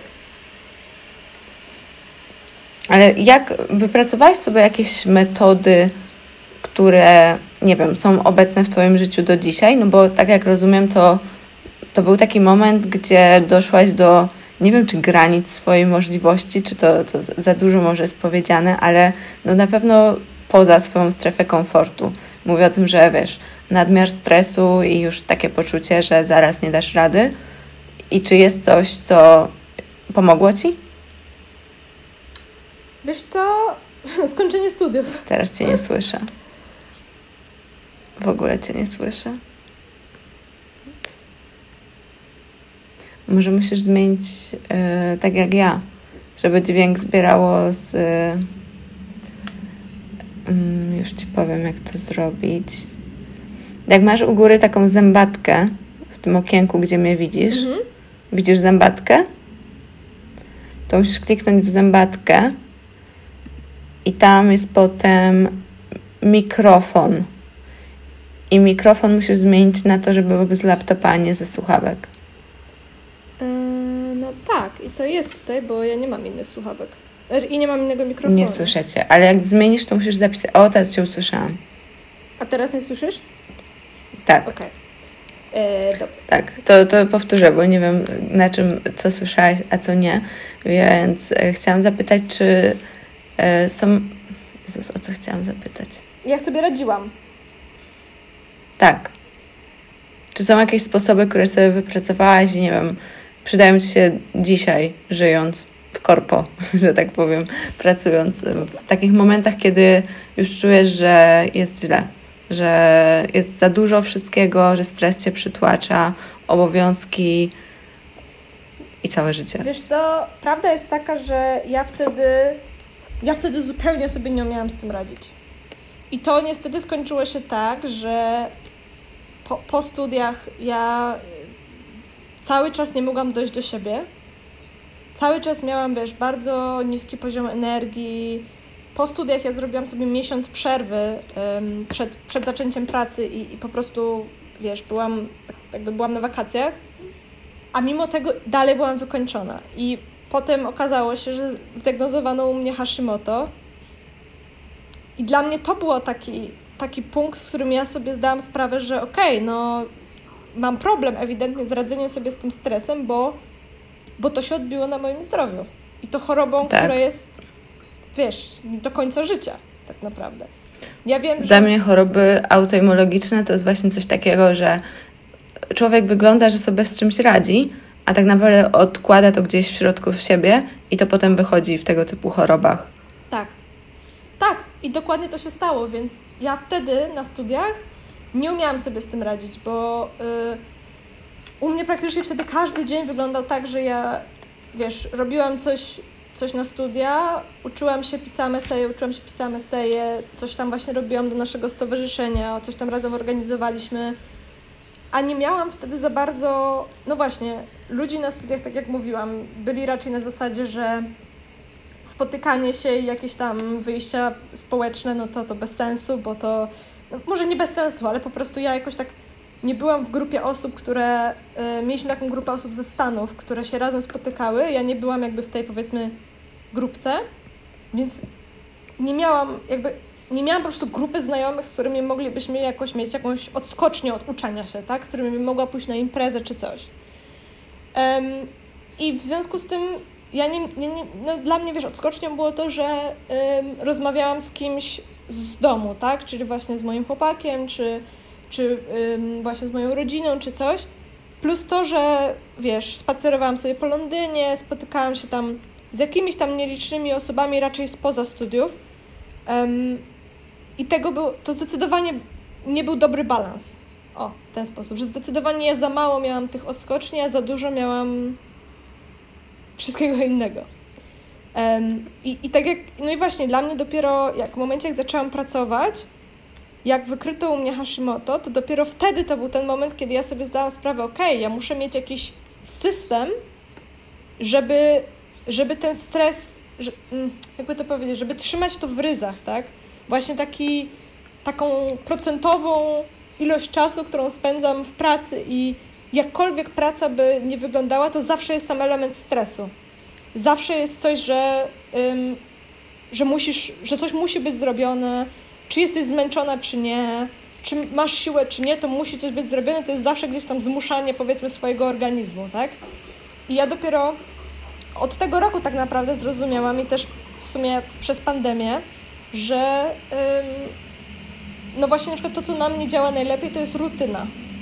I to, że teraz na przykład mój dzień, ponieważ codziennie pracuję, tak, poza weekendem, no to tą rutynę mam. Taką, że na przykład wstaję rano, wcześniej niż bym mm, musiała wstać do pracy i to jest czas dla mnie, tak, że mam właśnie na przykład godzinę czy półtorej na to, żeby wiesz, spokojnie sobie wypić kawę, zaplanować sobie tam mój dzień czy mój tydzień, porobić sobie jogę, jak mam na to siłę i nastrój. Mm, różne tam rzeczy takie porobić, po prostu jakby spędzić ten czas sama ze sobą, tak? I w ciszy, bez rozmawiania z nikim i tak dalej. To jest na przykład coś, co jest dla mnie teraz bardzo ważne. Tak samo to, czego się nauczyłam od powiedzmy roku, to, że zanim idę spać, też potrzebuję na przykład dwóch, trzech godzin na to, żeby się wyciszyć. Żeby po prostu ym, nie iść spać na przykład, wiesz, tak jak kiedyś robiłam, że zamykałam tam książkę, czy kończyłam y, pracę na komputerze, okay, szłam się myć i szłam spać. Teraz już w ogóle czegoś takiego nie robię, bo po prostu zauważyłam, że wtedy, no właśnie, nie mogę zasnąć, albo budzę się w nocy, jestem jakby nie, niewyspana następnego dnia, stresuje mnie to i tak dalej. Że też właśnie odkryłam, że mój organizm potrzebuje tego, żeby tak jakby stopniowo, wiesz, przyzwyczaić do tego, że już dzień się kończy i teraz będzie czas na relaks. No, więc takie rzeczy. Plus no, od roku jednak ćwiczę jogę już tak um, powiedzmy mocno, w takim sensie, że ćwiczę trzy razy w tygodniu po tam półtorej godziny i to już jest takie powiedzmy nieruszalne, tak, że nie ma, że no nie wiem, no nie ma żadnych wyjątków od tego, no chyba, że naprawdę, nie wiem, jestem chora czy coś takiego, ale to są takie rzeczy, które są takimi moimi filarami, że jak to jest w jakiś sposób zaburzone, to ja to od razu odczuwam. I od razu to ma negatywny wpływ na moje, powiedzmy, samopoczucie. Ale to jest właśnie ciekawe, że paradoksalnie to na wydajność człowieka wpływa lepiej że właśnie studia mnie przynajmniej nauczyły tego, że każdy wolny moment poza snem, albo najlepiej sen też poświęcać na naukę i rozwój i tak dalej, ale wcale z tego nie ma najlepszych korzyści. Jakby jedna rzecz to, że cierpi na tym zdrowie i to jest super ważne, ale nawet nie patrząc na to zdrowie, to i tak robi się wtedy mniej. No po prostu. Po prostu wypoczęty organizm i taki w swoim dobrym stanie zrobi o wiele więcej niż wymęczony i wykorzystujący każdą sekundę na pracę. Nie wiem, dla mnie to jest trochę tak, że jak ty nie odpoczniesz zawczasu, to twój organizm zrobi coś, żebyś to odpoczęła. I albo, albo się skończy chorobą, to jest ekstremum, mhm. ale w takim normalnym życiu to po prostu będzie, yy, nie wiem, będzie cię odwlekał, od, będziesz uciekać myślami gdzie indziej, bo po prostu będzie się bronił od tego, bo ma zwyczajnie dość to jest takie śmieszne, że z jednej strony e, myślimy, że zrobimy więcej, to będzie więcej, ale nie. No nie będzie, bo po prostu czasami się nie da. Wiesz co, tak, to jest jedna rzecz, ale na przykład też to, do czego ja doszłam w ostatnich miesiącach, to to, że właśnie a propos tego, wiesz, wywierania presji na sobie i osiągania celów, że na przykład ja uważam, że wywieranie presji na siebie samą nie ma sensu, bo ja nie jestem swoim wrogiem. Ja nie chcę siebie, swojego organizmu traktować jako czegoś, co ma być narzędziem do spełnienia jakiegoś celu. Po prostu to jest coś, co zmieniło się w mojej głowie, myślę, od jakiegoś czasu, że, że po prostu nie, nie jest tak, nie, nie chcę tak podchodzić do życia, że mam jakąś listę celi, i chcę zrobić to i to, a do 30 to to, a do 40 to to. Bardziej teraz moje cele wyglądają tak, że są albo krótkoterminowe w stylu chcę odłożyć pieniądze na wakacje, albo takie cele powiedzmy większe na życie w stylu mm, chciałabym kiedyś zbudować dom. Tak? I dla mnie się to spełnia, bo jak ja patrzę na swoją historię dotychczasową życia, to o czym mówiłyśmy, to żadna z moich decyzji nie, nie była taka, że ja od zawsze wiedziałam, że chcę to zrobić. Że, że od zawsze wiedziałam, że chcę wyjechać na studia za granicę. Że wiesz, że miałam takie rzeczy, które wiedziałam, że chciałabym kiedyś zrobić, że na przykład chciałabym kiedyś mieszkać w Londynie i po prostu zobaczyłam, że jest jakaś okazja do tego, to to zrobiłam. Ale taki system dla mnie o wiele lepiej się sprawdza niż y, takie bardzo podejście, takie, takie właśnie super zaplanowane, takie trochę dla mnie mechaniczne, bo po prostu życie ma tyle różnych, tyle różnych rzeczy się dzieje, których nie jesteś w stanie przewidzieć. I, I takich, które mogą wpływać na Twoją decyzję. Nie mówię o takich rzeczach większych jak pandemia na przykład, ale też na przykład to, że ja wyjechałam do Londynu, ale teraz na przykład z Londynu wróciłam. A wróciłam dlatego, że po pierwsze pandemia mi to w pewien sposób umożliwiła, bo mogę pracować zdalnie, um, ale też dlatego, że mój chłopak mieszka tutaj i ja wiedziałam, że ja chcę z nim być. Szczególnie w takich czasach jak teraz, mocno niepewnych. Kiedyś, wiesz, pięć lat temu może bym powiedziała, nie, no dla chłopaka ja mam wrócić z Londynu, w ogóle nie ma takiej opcji. Ale jednak też właśnie ty się zmieniasz, twoje priorytety się zmieniają i ja też w pewnym momencie zrozumiałam, że ale po, po, co ja mam się tak upierać przy tym? Po co ja mam tak sobie mówić, że nie, no ja nie wrócę, żeby, nie wiem, jakiś, wiesz, udowodnić jakiś punkt widzenia, ale w ogóle komu udowodnić? No bez sensu. To znowu właśnie mówimy do tego, wiesz, jak ludzie cię oceniają i tak dalej. No ktoś może powiedzieć, że tak, że ja dla faceta wróciłam i że to jest niefeministyczne, ale co mnie to interesuje? Ja wróciłam, bo wiem, że no. chcę z nim być i że to jest dla mnie bardzo ważne. I czy kiedyś jeszcze będę w Londynie? No może będę. Może będziemy razem, a może będę sama, a może nigdy tam już nie będę. No i nie wiem, zobaczymy. Ja w ogóle do takich najlepszych decyzji w moim życiu, w sumie większości, to czuję się tak, jakbym nigdy nie podejmowała decyzji. W sensie czasem ktoś mnie pyta, dlaczego to, a nie tamto, i nie umiem na to odpowiedzieć, bo po prostu zawsze w głębi to wiem, co trzeba zrobić. Czasem mi się nie chce i czasem to jest trudne to zrobić więc tego nie robię. A, ale jak się tak zastanowię, to po prostu ja wiem, nie, nie, nie mam tak, że muszę podejmować jakieś decyzje, wypisywać sobie plusy i minusy i zastanawiać się, co mnie bardziej przybliży do mojego celu. Tylko wydaje mi się, że jako ludzie to zawsze wiemy, co trzeba zrobić, tylko nie zawsze to robimy. A z tym takim osiąganiem mimo e, braku presji, to chyba taki jest cel. Ja, ja kiedyś wywierałam na siebie o wiele większą presję, a teraz mam coś takiego, że presja może być, ale na chwilę. Ale tak jakby te dalsze decyzje to powinny być takie naturalne. No i takie wywieranie na siebie presji jest ok, jak chcesz zacząć robić coś nowego i to jest dla ciebie niekomfortowe. No i wiadomo, kilka pierwszych razy musisz się zmuszać, ale po pewnym czasie to już powinno być dla ciebie naturalne. A jak nie jest i musisz cały czas walczyć z samym sobą, no to coś tu jest nie tak po prostu. Tak, myślę, że masz totalnie rację. Ja bardzo też wierzę w powiedzmy intuicję i w to, że wiesz, zdrowy rozsądek i takie podejście na rozum może cię oszukać, ale jeśli kierujesz się tym, co czujesz, to nigdy cię to nie oszuka. I to brzmi bardzo patetycznie, jak to mówię, ale na przykład, jak ja sobie właśnie przypominam tą decyzję, o której mówiłyśmy, czy iść na studia ekonomiczne, czy nie to dla mnie, wiesz, na rozsądek to było oczywiście, że no, uczyłam się, żeby iść na te studia przez trzy lata, zdałam taką maturę, męczyłam się z tą matematyką.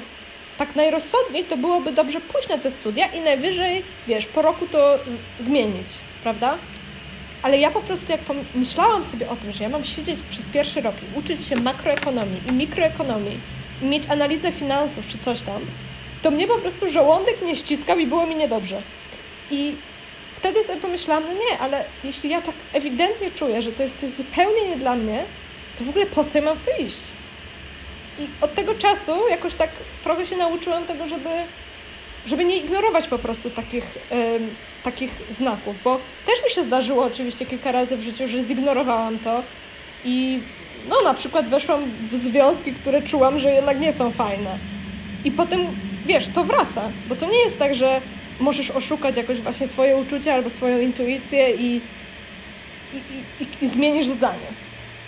No, to no ale w ogóle to, co nazywasz tą intuicją, to brzmi tak magicznie, a to nie jest wcale magiczne, to jest po prostu Twoje doświadczenie.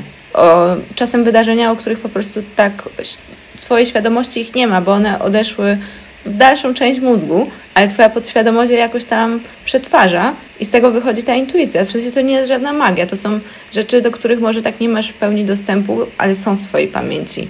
I to jest no, normalne po prostu. To jest taki drugi komputer, taki może nawet lepszy niż ten, którym operujemy tu i teraz na bieżąco. Wiesz, myślę, myślę że nasze opinie na ten temat bardzo pokazują właśnie nasze różnice, nie? Bo, bo ty właśnie do tego podchodzisz bardzo logicznie, że to są właśnie twoje były doświadczenia i, i to, co, no właśnie, że to porównanie do komputera dobrze to pokazuje. A dla mnie na przykład intuicja to jest, to są też przeczucia. To jest coś, czego nie jesteś w stanie wytłumaczyć, ale ja na przykład jestem wysoko wrażliwą osobą, jestem empatyczną osobą i bardzo mocno wyczuwam uczucia innych osób i emocje i tego typu rzeczy. Więc na przykład dla mnie y, bardzo często mam sytuację, że spotykam jakąś osobę po raz pierwszy i jakieś wibracje od niej odbieram, tak? To nie jest, oczywiście, wiesz, tu nie mówimy o jakimś szarlatanizmie, że ja po prostu tutaj jestem wiedźmą, tylko chodzi o to, że jestem w stanie wyczuć, wiesz, czy ktoś jest zdenerwowany, czy ktoś jest przestraszony, mm, czy ktoś właśnie ma jakieś negatywne na przykład w ogóle podejście do tego, dlaczego jest w tym pokoju, dlaczego ze mną rozmawia i tak dalej. Czy może odwrotnie, ktoś jest ciekawy mnie, wiesz, sytuacji czy czegoś. Ja takie rzeczy bardzo mocno odbieram, więc jak po prostu nie zdarzyło mi się jeszcze, żebym, mm, wiesz, nie zaufała tej intuicji i żeby, inaczej, żebym jej zaufała i żeby ona mnie okłamała w pewien sposób. Mhm. Oczywiście to też jest tak, że pierwsze wrażenia na przykład o osobach bywają mylne, prawda? Mm, ale, ale no, nie, nigdy nie miałam sytuacji, żeby, one, żeby to było, wiesz, 180 stopni, prawda, różnice. Tylko jednak to jest zazwyczaj tak, że dobra, no właśnie kogoś odebrałam w pewien sposób, a ta się, osoba się okazała troszeczkę inna, ale no nie miałam jeszcze takiej sytuacji, żeby było diametralnie różne. Może też tak będzie kiedyś, ale w każdym razie dla mnie to się to wszystko się składa właśnie na tą intuicję na no właśnie takie przeczucie, co może być, jaki ktoś może być. Jest trochę, trochę jest w tym magii, moim zdaniem. Okej. Okay. Dla mnie to jest wszystko wytłumaczalne, bardziej lub mniej, ale no jednak jesteśmy różne. Dobra, na koniec mam do Ciebie jeszcze kilka takich luźnych pytań. Jakbyś mogła coś polecić, cokolwiek i wiesz, książkę, film, serial, którą ostatnio przeczytałaś, przeczytałaś 10 lat temu, nieważne. Coś um, wartościowego. Okay. Z dowolnej dziedziny. Jeśli chodzi o, o polecanki, to z takich mniej, oczy, mniej oczywistych kategorii, to chciałabym polecić konto na Instagramie. Um, o. Takiej e, dziewczyny, która ma nick Blimsien. I ona właśnie bardzo fajnie mówi o idei o siebie dbania, o idei powiedzmy slow life'u szeroko pojętego bardzo polecam, bo do mnie na przykład bardzo trafia to, co ona, jak ona pisze, co ona mówi. Polecam bardzo y, się z nią zapoznać, jeśli kogoś taki temat ciekawi. Jeśli chodzi o książki, no to y, źródło, już wspomniane tutaj, to na pewno jest dla mnie książka, która w pewien sposób ukształtowała w ogóle mój sposób myślenia. Mm. Ukształtowała podobno największych e, ludzi no, no, nie wiem, tego świata. Się tak stawiała z nimi w jednym szeregu, ale na pewno tak, no dla mnie to miało właśnie znaczenie, że czytałam tę książkę po raz pierwszy mając chyba lat 15, więc y, to na pewno dużo, dużo zrobiło. Y, z takich książek, które dla mnie są bardzo ważne, to y, jest taka książka Chrobot y, Tomka Michniewicza. To jest książka reporterska i ona na mnie zrobiła wielkie wrażenie. To jest książka w stylu przeczytasz i przez trzy dni musisz dochodzić do siebie albo przynajmniej ja musiałam. Także bardzo polecam, jeśli ktoś chce troszeczkę zobaczyć jakąś taką perspektywę poza właśnie na przykład europejskim naszym podejściem do życia i właśnie wiesz, to o czym wszystkim mówimy, o, o, o pracy, o skupianiu się na tym, nie wiem, work-life balance i tak dalej. To jest taka książka, która pokazuje Ci, że w ogóle jakie nasze problemy są w ogóle nieważne. I uważam, że to też jest fajne czasem mieć taką taki, taki właśnie kontrast. I a, i jedną rzecz jeszcze, film, um, który na mnie zrobił wielkie wrażenie, który spowodował, że poszłam na takie studia, jakie poszłam, To jest film z 2011 roku, który nazywa się Misrepresentation. I to jest film, który dokumentalny, który właśnie mówi o tym, jaki sposób w ogóle kobiety i w ogóle różnice między płciami są pokazywane w mediach. I to jest film, który, no właśnie, powstał 10 lat temu, bo dzisiaj jest temat, który jest powiedzmy trochę już taki, trochę już oklepany, bardzo dużo powstało na temat tego filmów, seriali, książek i tak dalej. A ten film był jednym z pierwszych. Ja go oglądałam, nie wiem, 4 lata temu i na mnie zrobił gigantyczne wrażenie. I właśnie zdecydowałam się pójść na takie studia, na jakie poszłam, przez ten film, tak naprawdę. Ja go oglądałam po prostu przez półtorej godziny z ciarkami cały czas, bo, bo byłam w ogóle w takim szoku to, co, to, co widziałam. Także no, też polecam, e, jeśli kogoś interesuje taka tematyka. I chyba tyle. Chyba dużo całkiem poleciłem. Jak słucham Twoich poleceń, to muszę Ci polecić polecenia. I już Ci kiedyś wspominałam, ale musisz obczaić na YouTubie, no głównie na YouTubie najlepiej, Rackę. Ona nagrywa filmy modowe, ale ta tematyka modowa akurat do mnie tak nie do końca trafia. W sensie ja lubię czasem obejrzeć filmy modowe, ale trochę inne, ale jak ona nagrywa co miesiąc inspiracje, to to są totalnie takie rzeczy, filmy, książki, e, różne marki modowe też, e, po prostu wszelkie inspiracje tak totalnie w Twoim klimacie. Musisz sobie ogarnąć jej inspirację. Co, bo... Mam właśnie ją na Instagramie, od kiedy mi ją poleciłaś, yy, ale algorytm, algorytm Instagrama w ogóle mi ją wyrzuca jakoś poza nawias. Nie wiem dlaczego. Ja, ja nawet nie wiem, co ona w sumie robi na Instagramie, bo to jedynie czasami obejrzę jej filmy, ale strasznie mi się z Tobą kojarzy. I te wszystkie takie y, marki, które Ty lubisz, takie, wiesz, e, jak to się mówi, sustainable, czy jakoś tak, no to, to no, taka tematyka ogólnie. Nie, bardzo fajne. Okay. Dobra, następ, następne e, pytanie. To jest takie trochę dziwne, ale ostatni zakup, który zmienił Twoje życie.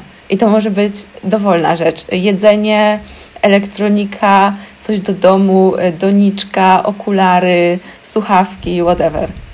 Hmm. To jest ciężkie pytanie.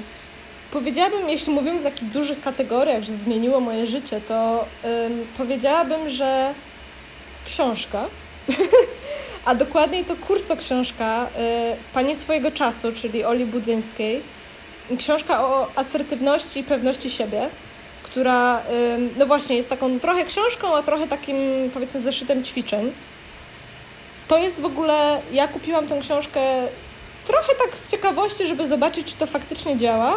I prawdę mówiąc, jestem w szoku, jak dobrze to jest zrobione i jak faktycznie duży, duży wpływ to, na, to ma na przykład na moje zachowanie.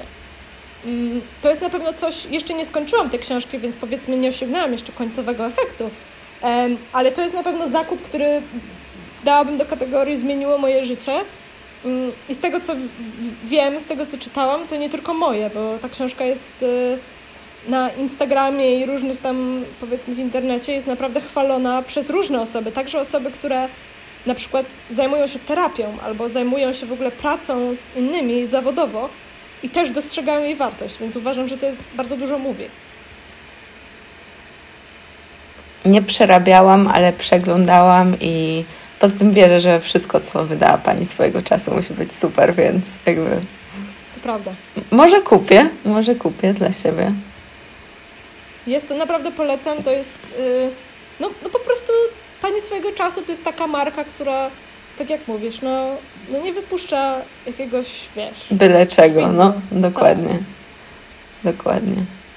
I w ogóle otwiera, wiesz o tym pewnie, przestrzeń swojego czasu w Warszawie. Oczywiście. w Krakowie. Ja już się nie mogę no. doczekać. Bo teraz fajnie, muszę fajnie. wszystko... Znaczy, by, byłam tam w tym sklepie. Tak, no to super, że nie musisz za przesyłkę płacić, ale też możesz sobie tam przyjść, wiesz, popracować. Akurat nie korzystałam, ale wygląda to bardzo fajnie. Tak, mam no. nadzieję, że to będzie. No nie wiem, jestem bardzo ciekawa, gdzie w Warszawie, bo. bo Nowy bo Świat? Nowy Świat? To, Czy nie? To było dziwne. Nie, w Warszawie jest właśnie trochę, trochę inaczej niż w Krakowie pod tym względem, że no w Krakowie jak coś powstaje, to jest to zazwyczaj w centrum, tak? Yy, czyli mówimy... Ja też myślę, że to będzie w centrum, dlatego powiedziałam Nowy Świat. No tak, ale centrum A jak w nie... to jest bardzo szerokie pojęcie po prostu. No to może tak jak y, jesteś na Jerozolimskich i jedziesz w stronę Palmy, to tak na lewo. Po prawej jest Witkac, a na lewo są takie nowe budynki i tam też do Chmielnej można się dostać Tak. tamtędy. Tak, tak, tak. To, To jest... tamte regiony też mi pasuje, żeby tam to było, ale no nie wiem, gdzie będzie. Tak tylko szczeram. No nie wiem, no zobaczymy, bo teraz w, w, Śródmieściu właśnie w Warszawie jest bardzo dużo takich nowych budynków, em, więc a to tak chyba pa, pani swojego czasu to jest taki klimat właśnie raczej taki nowoczesny, więc myślę, że to tam Mhm. gdzieś będzie. No nie wiem, zobaczymy, bo w Warszawie jest bardzo dużo takich powiedzmy modnych miejsc, ale to nie jest tak, że to jest jakaś, wiesz, jedna ulica, tak, czy, czy coś, więc no zobaczymy. Jestem bardzo ciekawa, jak to wyjdzie. Dobra, to teraz ostatni twój, to się nazywa WTF moment. Nie wiem, czy kiedyś słyszałaś o czymś takim, ale to po prostu moment w swoim życiu, kiedy właśnie albo coś przeczytałaś, albo ktoś ci to powiedział, co zupełnie, jakby coś ci się przełączyło po prostu w mózgu. Pamiętasz taki ostatni moment w twoim życiu i czym był spowodowany? Znaczy, to jest trudne pytanie dla mnie, bo to, znaczy nie, nie, nie chcę zabrzmieć arogancko, ale ja nie bardzo miewam takie momenty. w takim sensie, że jakoś ja tak uważam, że w ogóle takie, nie wiem, jakieś przemyślenia, praca nad sobą i tak dalej, to raczej nie jest tak, że to przychodzi do ciebie tak nagle, tylko że to jest cały czas jakaś taka praca. I cały czas ka- każdy taki, każda dyskusja może być takim momentem. Em, więc nie wiem, czy bym tutaj wskazała jakiś taki szok. No właśnie, chyba najbardziej takie dla mnie szokujące było właśnie, jak zaczęłam pracę z tą książką właśnie Pani swojego czasu. Robię jej taką reklamę w ogóle teraz w tym momencie, ale No. mm, bo, bo naprawdę były takie momenty w czasie, gdy czytałam tą książkę, że przestawałam czytać i myślałam sobie, wow, No, to właśnie, właśnie to jest ten No what to the tak, fuck to, to moment. myślę, że to właśnie w tej, w ta książka powodowała takie u mnie czasami, że naprawdę myślałam sobie, no tak, ona na to zwróciła uwagę, to jest super ciekawe. Nigdy o tym tak nie pomyślałam. To, to były takie momenty, tak, zdecydowanie czytając tą książkę. Em, więc jeszcze raz polecam po prostu, bo naprawdę zmienia myślenie nie tylko w kwestii asertywności i pewności siebie, ale w ogóle w kwestii tego, jak odbierasz innych ludzi. Dobra, to ostatnie pytanie. Zgapione nie z mojego podcastu. Ciekawe, czy ktoś się domyśla z jakiego, ale jakbyś miała postawić billboard w centrum Warszawy, który zobaczyliby wszyscy, to co byś tam napisała? W sensie to może być albo twój ulubiony cytat, albo coś, co masz po prostu do przekazania ludzkości, jakiś sposób, żeby ludzie otwarli oczy, ale no niekoniecznie. Masz po prostu do dyspozycji billboard. Hmm. Chyba bym, chyba bym napisała be present. Czyli bądź obecny, obecna. Bo to jest coś, czego, szczególnie w takim dużych miastach jak Warszawa, to jest coś, czego moim zdaniem tak obecnie nam wszystkim brakuje. Tego, żeby właśnie zatrzymać się w tym momencie, w którym jesteśmy i, i zastanowić się, jak że w ogóle jesteśmy w tym momencie, że, że jaki, jaki on jest wartościowy też przez to, nie? że nawet to, że jedziesz do pracy, czy to, że jesteś na zakupach ze swoimi dziećmi, czy to, że jedziesz na kawę z przyjaciółką, to są właśnie takie chwile, które, które się składają na życie po prostu. A życie się nie, nie dzieje tu i teraz, a nie w Twoich planach, czy w tym, co chcesz osiągnąć. One się mogą ziścić, a mogą się nie ziścić, ale teraźniejszość to jest coś takiego, co, co się, co się dzieje teraz, na co nie masz wpływu, tak? I, I możesz tylko to przeżywać. I wydaje mi się, że byłoby dobrze, gdybyśmy wszyscy trochę bardziej doceniali to, co mamy teraz w tym momencie, zamiast tak właśnie nieustannie gonić za tym, co mogłoby być. To Taki jest mój 100% się przekaz. podpisuje. Mo, mo, mogę postawić drugi własny obok z tym samym napisem. Cieszę się.